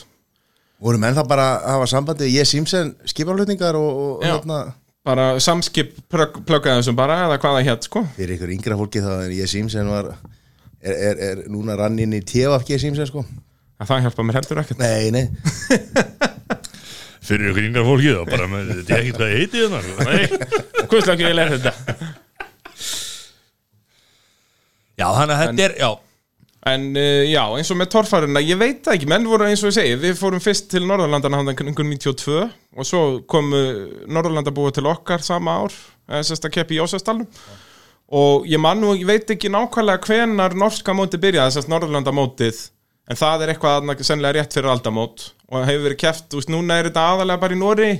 það er ein keppni í Danmörku núna sem er núna næsta keppni í Norðurlandamótinu í rauninni, þessi Eða er í rauninni norska heimsmeistara- heimsmeistaramótið. Nei, í rauninni ekki, sko, það er norska móti sem er samt Norrlandamóti út af því að Danmörk er inn í því líka en síðan er sem sagt Fíanesmótið er það kallað sem er Norðurlandamót yfir allt og það er bara ein keppni yfir tvo daga og það er sem sagt jafngildir heimsastaramóti út af Já. það er náttúrulega bara Norðurlandi sem En keppa er þetta samt ekki uh, svipað ef ekki sama konsept og íslenski, nú er heimsmeistaramót eins og íslenska hestis sem að Já, er sem þú sagt veist, við ætlar að fara að tala um það hestöp Já, það er- það er það er stöfnir rétt. sko Nei, ég er að segja sko að hérna, þetta sport er íslensk sport Já, þetta er, þetta, er, hérna, þetta er íslensk hugmynd uh, Þeir sem er að keppa á erlendi grundu í Noregi og öðrum, í öðrum lor- norðurlöndum eru að keppa íslensk sport og sem sem verður svo gamla góða bændaglíman Jú, Já. Nei, að, að, sem sagt, að, að það er verið að flytja þetta íslenska sport út sko og svo eins og, eins og heimsveitarsambót íslenska hestis það sem að fullt af fólki sem, sagt, sem eiga íslenska hesta erlendis eru að keppa við aðra íslenska hesta akkurat á einhverju stað og hérna reynda pínu erfitt sko og flytur hest út sko, það mátt ekki flytja tilbaka sko þannig að hann, hann, Já, hann er þetta er farin for djöfisvesen. good sko þú getur tekið tekið bíli tilbaka sko, hann Já. er, hann er ekki með Það verður áhugavert að E- vera e- þannig að bílinn mætti ekki koma tilbaka Já. Nei, ég er að segja, skilur, þú veist, Norrlandamóti Já, já, þetta það er alveg að- sama sko. þú veist, prinsip, þetta- það- Menn er að keppa, þetta eru, þetta eru Norrlandamenn sem er, að, sem, sem er að, að fara eftir þessar íslensku aðferð sem að Já. íslenska torfaran er Já, þetta er náttúrulega við Íslendingar byrjum í kepp í torfæru hérna 1965 held ég Hvað myndi gerast ef að kanin myndi fara í Það heiti Monster Truck Já, það er náttúrulega ekki torfæra sko. Það er nefnilega það sem við erum að reyna að gera með að fara formula, þarna út. formula offroad Já, að að fá bandaríkjamannin til að keppi í þessu og það náttúrulega, þú veist, hann myndi ströggla bandaríkjamaðurinn, þú veist, fyrstu 2-3 árin og svo myndi hann nú allt yfir okkur sko. Já, Það ekki Jú, bara svona algjörlega. við, við þökkum fyrir að- að bandaríkjamenn spil ekki handbólta sko Já, ég segi það sko, og þá var þetta allt annað sko En Þetta er eins og hérna, Átni Kópsson, okkar besti maður á, á hérna, heimasætinni Já. sem er Coca-Cola bílinn Hann, hvað er, tvö ár síðan hann kipti heimasætin aftur eða? Það er lengra síðan held ég sko Hann, kau- hann hefur keift hana reglulega sko Já. Hann kaupir hana fyrst aftur held ég 2011 eða 12 Keppir eina keppni og vinnur þá keppni Og svo kaupir hann hana hérna, já s- Sest fyrir, já sannlega 2015 Og gera hana tilbúna fyrir, nei 2016 Og gera hana tilbúna fyrir bandaríkin 2017 held ég Já, Nei, það var fyrir 2016, já Og, og það svo sem gekk lítið það eintir Bílinu var eitthvað bilaður allan tíman og, og en eitthvað leit svoleiðis. ríkala vel út Já, og það var að koma með gamla lúkið, sko, Já. það var geggjað Já. Og það var náttúrulega heimildamindin sem hann Andri viðar Andri á Flandri gerði Já. um, um þetta, hann uh, From Top to Bottoms, hétt myndin út að þetta er parki sem við keppum í heitir Bikini Bottoms, skemmtilegt nafn Já. og, og þar er rauninni fer hann í gegnum allan sirkusin með afna hann og mjög góð heimildamind, ég mæli með henni og já, synda bílinn hafi bara ekki virkað hjá afna og það, uh, og það var nú gaman að sjá hvað hann geti gert sko eftir öll þessi ár Já. En, hva- en, en nú tölum við bara um eins og hérna tölum við bara íslensku við, eins og handbóltamennir okkar Hvað, Það skiptir við íslensku núna? Já, um það skiptir við íslensku Fá helveðu menn Haftur Július er einn sterkasti maður í heimi Jep, Við höfum átt reglulega fallegustu konur í heimi Já. Við erum með Það heimasæta hann eða? góður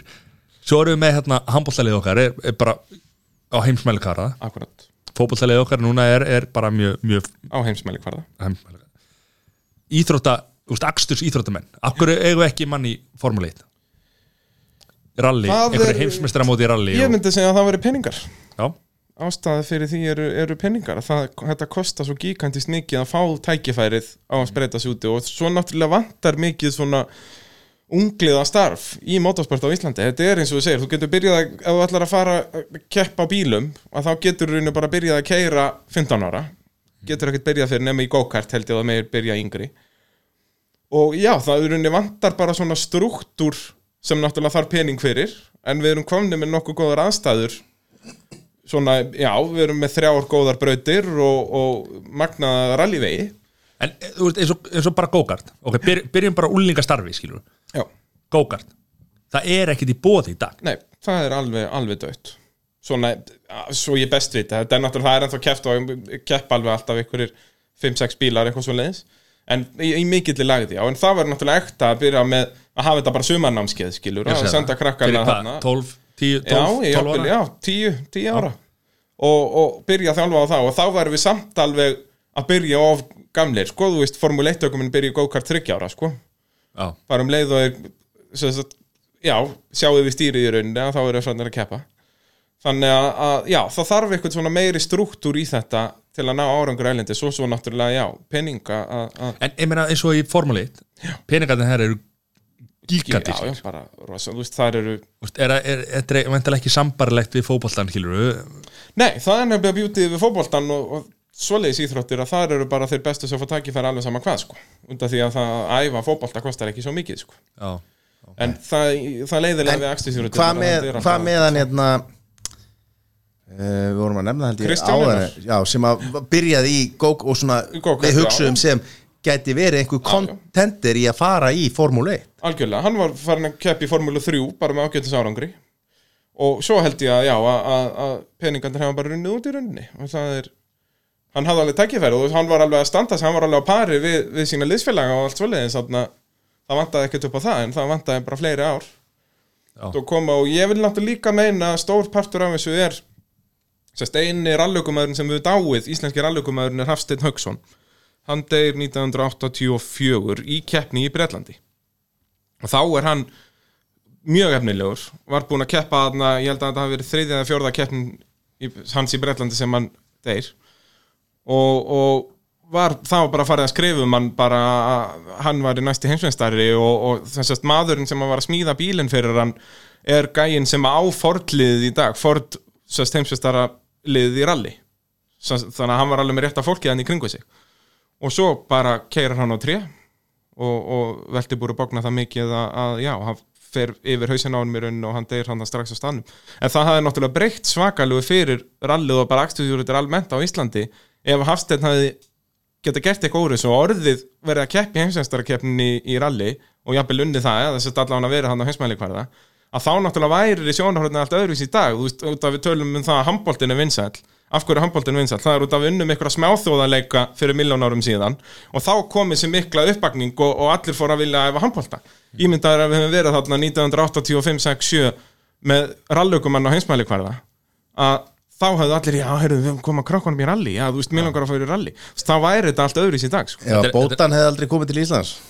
Já, fyrir handbóltan það er, það er svolítið svo leiði, sko Og þetta er að samar sem er að gerast núna sem er Gunnar Nelson í, í UFC Akkurat, er, akkurat, er það, hann, nú er, vilja Þetta krakkar fólki- fara að æfa, æfa bardagi Nú eru bara slagsmál öllu skólar og en, en, en þetta er alveg, alveg sama prinsip sko, að það þarf alltaf eitthvað svona til að standa upp úr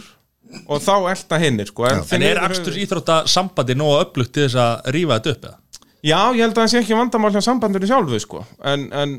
það svo sem mætt alveg og sambandi hefur nú aftur reynd að vera með einhver svona uh, unglega prógram, þú veist, ég manna að þeir sendu einu sinni, hvað ætli, það var 2014 sem þeir sendu ökumann út í svona skóla í rauninni að- að að læra að keira ég, fór, ég fór í aukurskóla 1 og 2 Það Já, segur Lærir ekki neitt þar Fást, en þú náttúrulega, já ég er líka á sama aldri og þig hvað það var þar og ég fekk ekki að æfa mig í, í, á skemmtilega bílnum hann sem að slætar Þe- sem er á svona hjálparadekkjum og liftist upp og þú getur slætað hann um Getum, Er það í dag? Já, ég held að það verður að vera það, ég held að það sé ökkuskóli þrjú og, og þá er það á svona eh, svaka, ég nefnilega er mi- rétt mistað þessu, en það byrjaði einhverjum tveimur, þrejum árum eftir að ég fekk bílpró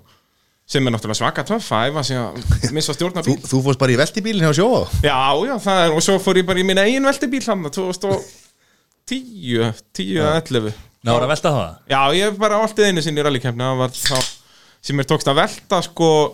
svona 120 hestafla Subaru upp brekku og það skilur enginn að, hvernig ég fór að því Er það svo bara just í eða? Nei, þetta var bara impressa svona stei, þetta var stationvagn, sko, dýrindi sem er hægt að vera með hundi í skottinu Þú færðir hérna bjóri nær mæknu mínu til þess að opna þetta Já, Þetta var ekki, sjálfsögðu. ekki það, er- Nei, nei, það- það- þú ert komið með tvo bjóra En þá fyrir svona hérna eh, sko eins og ég sé þetta sem að hef ekki uh, enga, enga þekkingu aðra Ættir en- ekki að en ég er búin vera heyra að keira hér í kvöld. Ættir ekki að vera að keira bíl Allt, ég sko, ég hef bara, hef ekki lendi í, við þau, 7.9.13, hef bara ekki lendi í tjóni bara á mínum, núna hvað, hérna, 40 ára ferli Nei, þetta fer að slaga í, í 20 ár sko En hérna uh,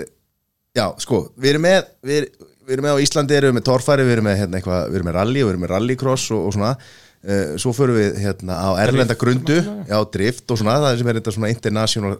hlutir sko Já, já Svo erum við með eitthvað sem heitir hérna Daytona hérna Já, það er semst NASCAR og Nask, IndyCar og NASCAR, svo erum við með formúlu Við Hefurðu farið erum í með NASCAR? formúlu 3000 Nei, ég hef ekki horta þannig, nei Hefur Hefur þú farið- gert það? Ég hef farið í naskar Í bara að keira Daytona NASCAR bíl? Beach Já, það er semst að horfa á það Nei, Já, þú bara varst að keira ekki, satt fram í Já, það er ekkert annað maður 300 km ræði ekki, ekki nema Og var það ekki svakalega Stuttbuxum Stuttbuxum neðalegt? Nei, það er sturla M&M trúa bíli því. Það er litla, litla dæmið Það er ekki að stela sér frá þér, sorry Ég bara- Hann bara varð Já, Nei, það er sem sé- og svo erum við með, hérna, svo erum við Monster Truck sem er, er, er stórt já, svona, við erum með hérna, Lama hérna, Jú, jú. 24 Hour hérna, Racing sko, sem að stóru framlendir er að keppa sko. Gun- gun- En Gunball já, sko, það er bara einhverjir, er það ekki bara Mm. Það er einhverjir svona road race, er það ekki, Jú. yfir bandaríkin jú, er það Rík- ekki bara rík- rík- rí- rí- ríkra manna hérna, Jó- Jón Ásker kappakstuskeppni. og og Skúli Móðarsson og Já, já, segir fleiri mestarar og svo, þú veist, þetta er sko, ef maður horfir á þetta, þá finnst mér þetta rosalega sko mikið, svo erum við alltaf með Dakar já, já, það er endalist til að mótorsporti og þannig erum við bara að tala um það sem er á er, bíla. er, er, sko, erum við ekki að tala um allt og, þú veist, við erum með fótbolta það er bara heimsmyndar í fótbolta og hann er alveg eins allstað nema að stundum er verið að taka upp einhverja nýja reglu eins og það hérna, marklundagni en eða var eða eitthvað þarna- svona sko. þarna ert þú náttúrulega að tala eh, svolítið að þvælu sko. Með raskat. Út af því að það Þessi er er það Tala bara spila. íslensku út af því að segja að að bera motorsport saman við fótbolta meikar ekki sens, að það meikar sens að bera motorsport saman við bolta íþróttir En að, Já, nei, þú sko, veist- það sem ég er að segja það sem ég er að segja er að ég get komið hérna, talað við einhvern, einhvern frá Belgíu og sagt, heyri, sástu er- þetta fylgist með fótbolta? Já, já, akkurat. þá erum við bara að tala saman Nei, já, nei, Þú veist, nei, nei, nei, þú, nú, nú Slaka Já, á. nei, þannig erum við að Þetta er tala svo Nei, reyð. byrju, þannig erum við að tala Þannig erum við að tala Andaðu með nefnu Þannig erum við að tala það að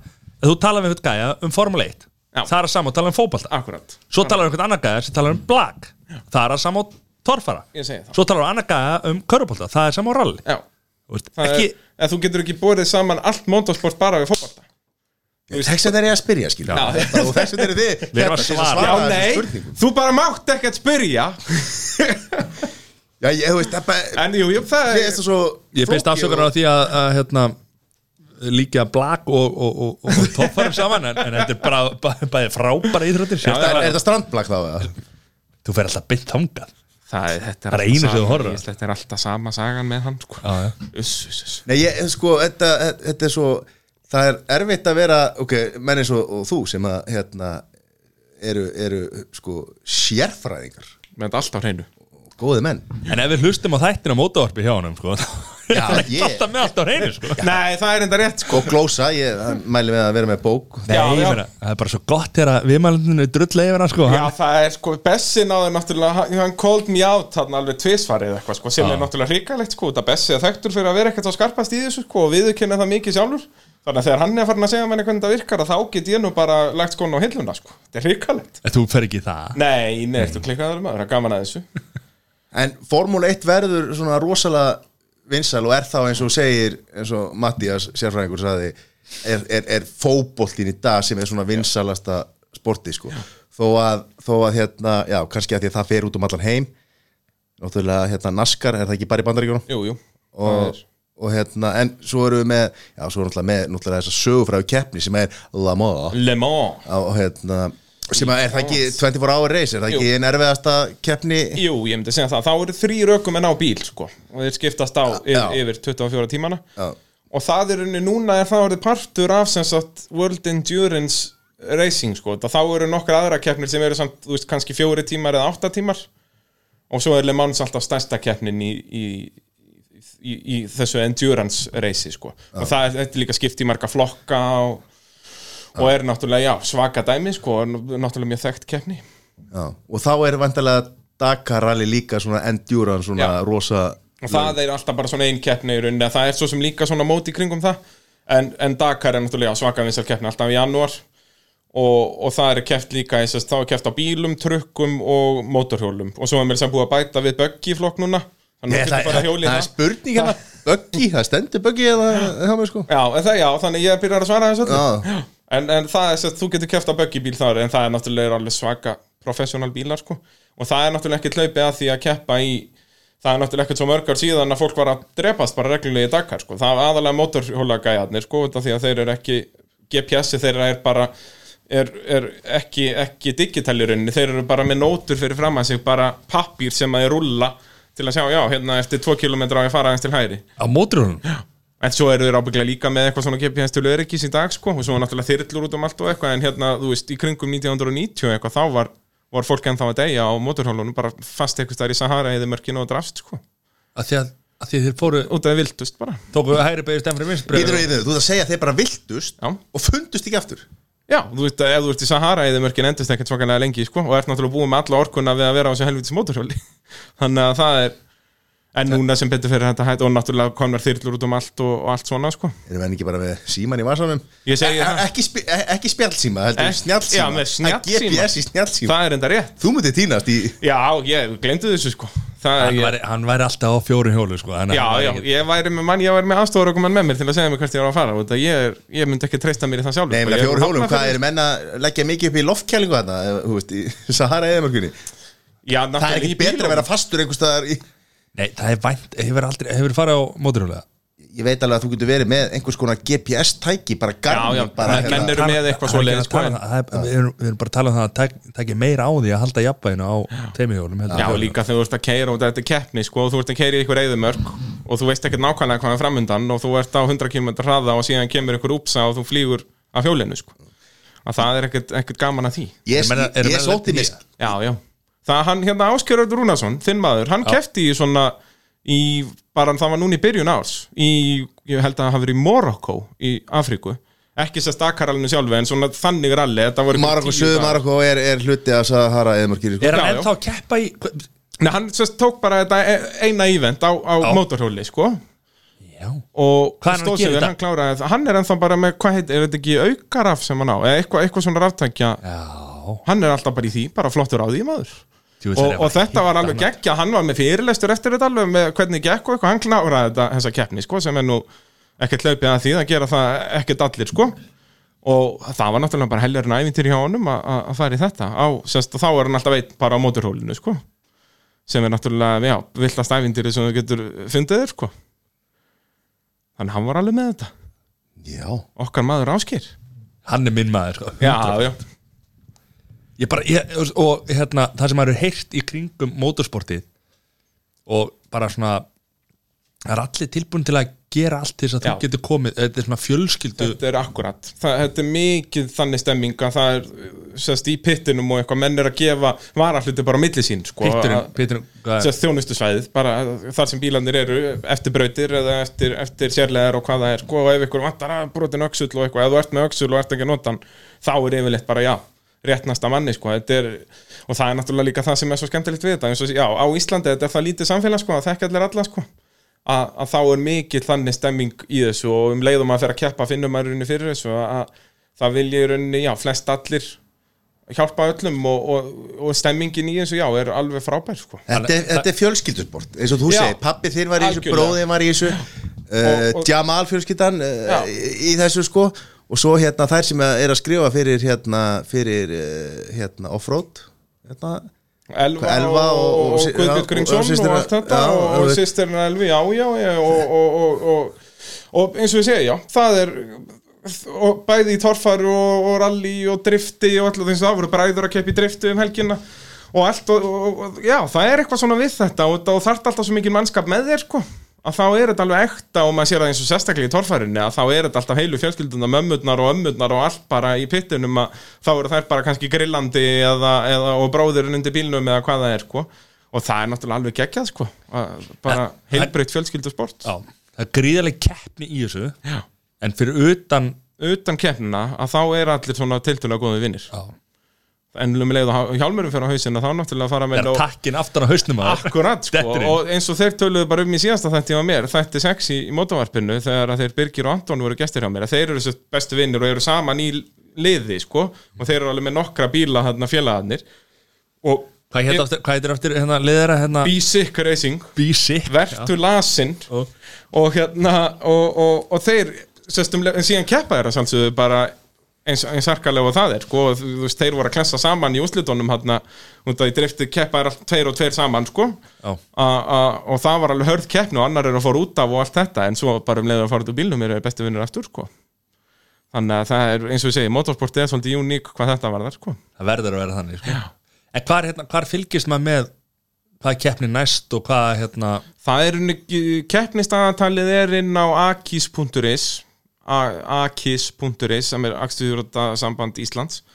og svo náttúrulega eru Facebook-kóparnir eins og torfara, torfara áhuga menn rally áhuga menn, rallycross áhuga menn og allt þetta, bara finna sportið sem að þú hefur gaman að og finna í YouTube, nei, hérna Facebook-grúpuna og þar eru en, já, allar umræður með þetta og þar er fólk að posta vídjum og myndum og, og dagatalið er yfirleitt efist þar bara pinnað þannig að já, það er hægt að fylgjast ég mæli, já, aðalega með Facebook í, í þeim efnum það er magna hvað þú ert pinnað Já, pinnað Þetta, þetta eru bara ambögur Viljum ekki tala svona Já, svo en magnað hvað, hvað- hérna, bí, uh, Akstur Íþórtasamband Íslands, er það kemur það eitthvað nálægt bíladöfum eða? Já, já, það er, Það er hluta- hluta bíladagur- prógramminu. Já, Akstuðurúta samband Íslands er í rauninni innan ISI og er bara það sama og ISI er fyrir KSI í rauninni og síðan eru sérst klúpar inn í akstuðurútasambandinu sem að sjá um að halda keppninar en allt til er sérst, og Íslandsmótin sjálf er allt, öll rönnuð af, af akstuðurútasambandi Íslands og það samband sérst, sér um allt á fjórum hjólum síðan er sér samband með eins og motocrossið og, og allt það Þetta, sko, þetta er líka, þetta eru svo miklir öfgar í þessu bíladæmi Bílasport, bílasporti sko. Jú. að sko þú ert með þetta þarna það sem að þú ert á hverjum rallybíl sem að þú ert að þjösna sko alveg út bara og hann getur olti hverja sem er sko Já, já, svo ertu með sko akkurat hér megin á, á, á hérna á peningnum þar ertu með sko þú ert með geggja 56 Mustang eða var hann góður eða eða Já, þú já, ert með örugglega. spánian hérna Porsche upp úr kassanum eins og Mattias átti Jú. og, og þá ertu bara þá ertu að sleikja puttan og, og, og þrýfa hérna Já. af því að það er smá drullublettur á hann sko og það má, það má ekki keira nema tildum já, já og bara, bara eh, ekki vera rigning og... og, ekki, já, hann er alltaf gendur í skúr Já, og það er svona að starta svona, að- svona að tekja eitthvað fresti til þess að aðeins að leifa Aðeins svona, já. mm. aðeins svona, en það má helst ekki keira hann. nei Það, þarna kemur svona bíladellan inn sko, sem er náttúrulega alveg nöðsynlegt kannski að hafa í, í motorsporti en þú veist eins og ég persónulega er ekki með mikla bíladell ég keiri bara minn vansókin polo og er skýtsama um, um göttubíla þannig séð, þú veist, jú, ég hef náttúrulega alveg áhuga á bílum eins og bara hver annar en ég hef miklu meir áhuga, já, bara á motorsporti sjálfu sko, sem er náttúrulega viss bíladella ég segi það ekki, en, en það er náttúrulega eins og þú segir, hinn hliðin á peningnum er þessi rundaratnir sko, sem hafa, já, eru, eru með bíladellu en ekki kannski endilega áhuga á motorsporti þó að það náttúrulega helst yfirleitt í hendur samt að þeir sem hafa bíladellu hafa áhuga á einhvers konar motorsporti, hvort það sé hvart míla eða, eða hvað það er Já. erum við að fara að sjá bólóin með hóndumótor í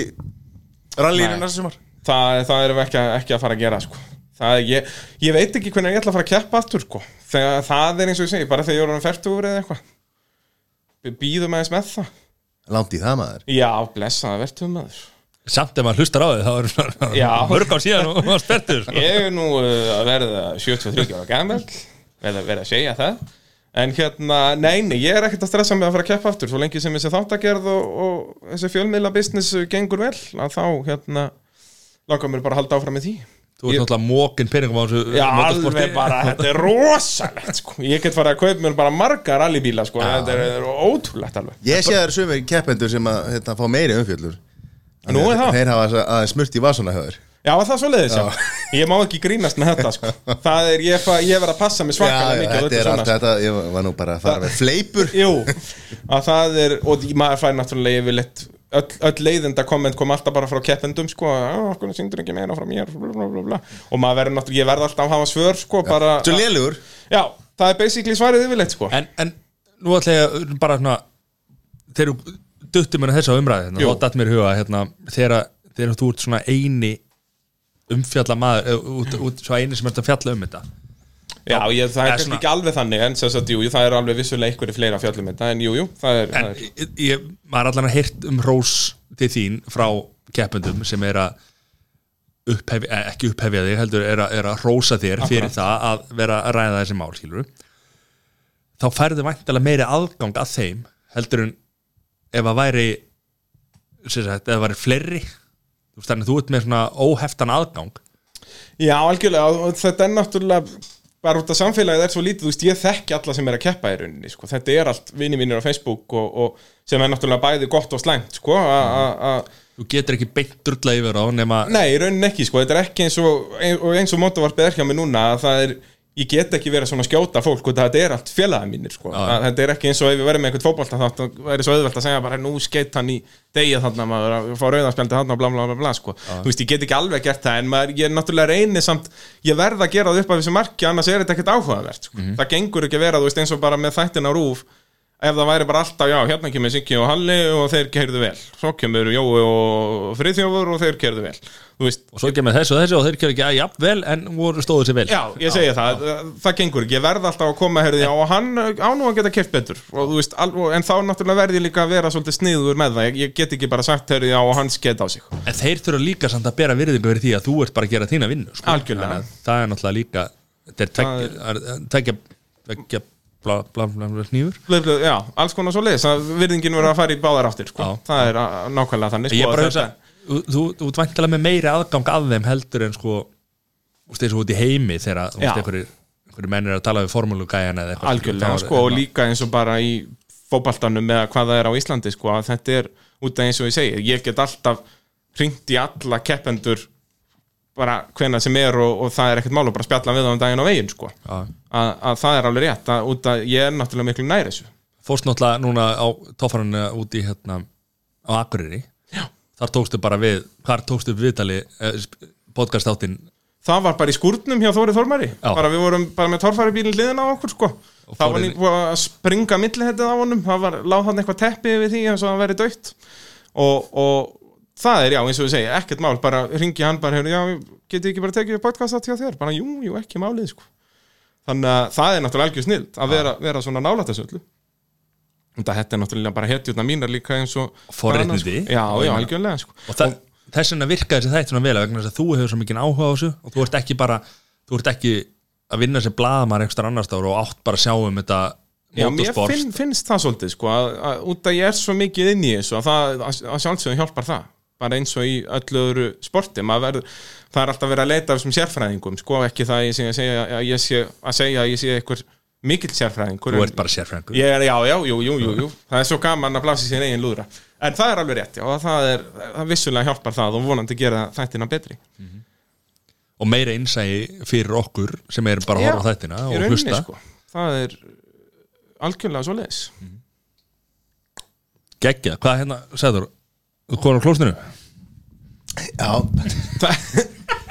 Já Nei, nei, náttúran kallar og Já, já, Ah. ég minna Maður það er svarar. bara eins og það er það hefur einhvern tímann, hefur náttúran einhvern tímann hringt í ykkur og þið er bara, æ, neina ekki svar Já, stundum verður maður bara að gera það maður getur ekkert alltaf að fara í síman en maður er bara fastur eitthvað staðar það er bara Spjallsíman? í spjallsíman maður ussusus, en það er nú talandi um að, að náttúrun kalli og motorsport að það er nú í formúl 1 þekkist það mjög vel að menn er að pissa á sig að það er út af það er náttúrulega reysið tveir tímar og, og ógeðslega heitt og þú er að drekka ógeðslega mikið af vatni og þú stoppar ekkert að ferja inn í pitt að að pissa Já, Þá hvað, bara. hva, þú, þú veist, það er sagt að þeir missi bara, Já, það hvað, er bara fleiri, 2 kíló, 2 til 4 kíló 24 kíló í heitustu kapplöftunum, þú veist eins og núna síðasta formuleikt keppnin í Austuríki það var lofthiti, þú veist, 33 gráður og brautarhiti 60 gráður pluss að ótrúlega heitt reis og þá einmitt, já, voru þeir að tala um að þeir voru að missa yfir, yfir kappasturinn sjálfan kannski svona 23 kíló og svo yfir allar helgin út að þú byrjar strax á föstudegi í æfingum og, og svoleiðis og tímatakan á, á lögadegi og allt þetta að þá eru að tala um að missa jafnvel 5 kíló bara frá föstudegi til sunnudag sko. Akkur er enginn að selja, selja velinu fólki þetta Það er að fara á Formule 1 kúrin Já, það, þetta, er, þetta er líka pínu erfitt Matti, við förum og tökum nokkar hringi og, Já, já, hjóli Missin okkur kíló Það er bara svoleiðis En hérna uh, Fuck, hvað ætlaði að Það er góð spurning Um Formule 1 segja Já um Já, Eh, Lewis já, já, Hamilton. já, hérna ak- Eru menn að pissa á sig Já. En ekki í þessum hita, sko Nei, Væntalega ekki kannski ekki sko en Þetta gufar allt upp það Já, ég hugsa það að þetta fara allt út í svita sko, en það er, og þetta eru bara sumir okkumenn sem gera þetta sko, sumum finnst þetta ógíslegt og myndi aldrei gera þetta en eins og Michael Schumacher, hann pissaði alltaf á sig bara í hver einasta reysi, Það var líka alltaf og, hrættur og, ég, mýgur á sig og hann er að gera það núna í dag Já, sko. slakað á með þetta Slakað á með þetta, vinnur Við skulum eh, halda það, Já. ég- við þekkjum hann ekki þetta er í Nei, lagi. nei, fyrir ekki, fyrir ekki þetta En hérna, en eins og í toffarinu og svona, Ég meina, þú veist Þetta er svo stutta brautir Þannig Já, að já. þú ert væntalega ekki Þú bara Það pissar er- í pittinum á milli Já, og- nema bara fræðslu sem að ég- ég gæti nú alveg gest Sko, þetta er að En er sama það ekki meira nú að gera hann við tvö heldur Jú, en eitt, ég eða? hugsa það sko að þetta geti farið út um öll gött þetta, Já, þetta er svona bara eins og marathónlauparar og, og aðrir íþróttamenn sem eru að stunda íþrótt í Já, langan já. tíma Náttúran kallar og Ég segi menn það. svara Menn vinna bara með það sem Þú þeir ert þú ekki mikill íþróttamæður upp á, á síðustu ár sko, en þú hefur nú samt alveg gert þetta Gert hvað? Við mjög- sáum mjög skitið á því einhvern veginn. Mjög skýta á því hérna út um alla veggi Það er alltaf saman að segja Kampavín og kaviar og kjærlingar Nei, þetta er, þetta er hérna þetta er líka svo líkamlegt maður sko eins og sko leið mér að klára þetta maður horfið alltaf sko, þetta var náttúrulega þetta var náttúrulega hérna sjúmakir á móti, Hakkinen. á móti hakkinin sko betur bara, þú veist, og það voru náttúrulega allir sjúmakir menn sko Er það? Ekki allir, neinin Nei, ég held að það hafi verið skipt sko Já. eins og ég Bróðulega náttúrulega var milli 80 á- og 20. With því Nei, Það þú veist voru eins og allir papp- Schumacher menn. Pabbi talaði alltaf um það að hann var ástæðan fyrir að hann var sjúmakir maður út að allir í vinnahóknum voru hakkinen menn Hann vildi vera anstæðan sko. að ég hef alveg heyrt já, þetta, er bara, þetta, Þetta var mikið 50-50. Sjúmakar, sjúmakar hérna Hakkinin er svipað eins og Liverpool United Já, akkurat Það er ég bara held að sé, ég held að sé hérna, og greið rakkinin hann- Ræ- Rækonen, Já. Rækonin, eh, ég Hann kallar er það bara bara- rakkirinn eins og Rakkirinn. hakkirinn og rakkirinn hakka kakkalakkana að það er, hann er ennþá að í dag Rækonen maður, flottur að því er núna komin í semst Sáber en Alfa Rómi og hann var í Ferrari í fyrra og hann hefur bara svo gaman aðeins ennþá og hann fór yfir í verra lið bara til að halda áfram sko. en hann er orðin fertugur held ég kallinn Og ert það að fylgjast með formúlunni alveg Já, ég, er Þú raunar vinn, akkir ég, og ég vinn við það í rauninni líka sko. ég skrifa um Formule 1 fyrir vísir Já, þannig að ég er, jú, ég vakna fyrir allar aldir og, og vaki langt fram til kvöldi, þetta er þægilegt núna yfir hásumari og þá er European season í rauninni, þá er allar keppnar í Európa og þá byrjar þetta alltaf bara eins og núna er Silvestónum helgina og þá byrjar þetta bara klóðan eitt, þægilegt já, svo, svo við tökum það saman Þú hérna, þú gerir sjónvar fyrir rúf og, og Erlendar sem Og var erlenda sjónvarstöðar Þú skrifar fyrir vísi Jep, Og svo gerir hljóð fyrir podcastöðuna Podcaststöðina. Jep, fjölmiðlamaður Íslands Þetta er, já, og þú ert, þú ert á sem helstu stóru Já, já, það er þessu þrjústörunöfn Það er sem sagt Sín, eða stöðtvö, eða hvað þetta heitir Vísir, Rúf, podcastuðin ég, ég fer bara á stærstu staðin í rauninni Ég læt, ég læt ekkert bjóða mér neitt annað Nei. Það er bara svoleiðis sko. Kókurinn Það er nákvæmlega þannig drengi mínu Herru, takk kærlega fyrir að koma Heyrðu, jú bara takk fyrir að hafa mig Það er mjög huggulegt að vera hérna með einu í borðið verið að segja Já, Þetta er svona, maður, þetta er miklu meira chillað Ég þarf ekki að hor- horfa á alltaf helvítist takkabretti þarna að vera að pæla eitthvað í því Nákvæmlega Menn eru löðrandi léttir hérna hinum megin bara að spjalla Ég er bara, við þurfum að gera þetta aftur við takkifæri Já, já, okkur laka til þegar þú býður okkur í þáttinn Já, þinn. það, já, herri Þá, þá, ok, Mattias, þú veist nú eitthvað hérna Þetta er já þetta er við þurfum að tala bara um Ásker Örn og, og Hérna, Við þurfum félaga að fá Áskir Örn Það er enda rétt, ég fæ bara Ásker Örn og fæ þig með Á, ég Þannig að klár, þú verður bara sleikjandan upp allan tíman 100% klár Í hjólum í henda Já. Hann ætti nú að hafa nógu marga sögur núna eftir Morocco-ævindíu Já, Það séu satt okkar besti maður Herðu, kongurinn í mótorsportinu, við þakkum kjallaði fyrir komuna og, hérna, og, og hvetjum alltaf til þess að fylgjast með á þessum, þessum þreymur stóru, Rúf, Vísi og podcastöðinni Akkurat og hérna þáka til næst af því að við gerum þetta aftur. En það ekki, Jú, hjólum í þetta bara eitthvað um við takkifæri Ég þakka kærlega fyrir mig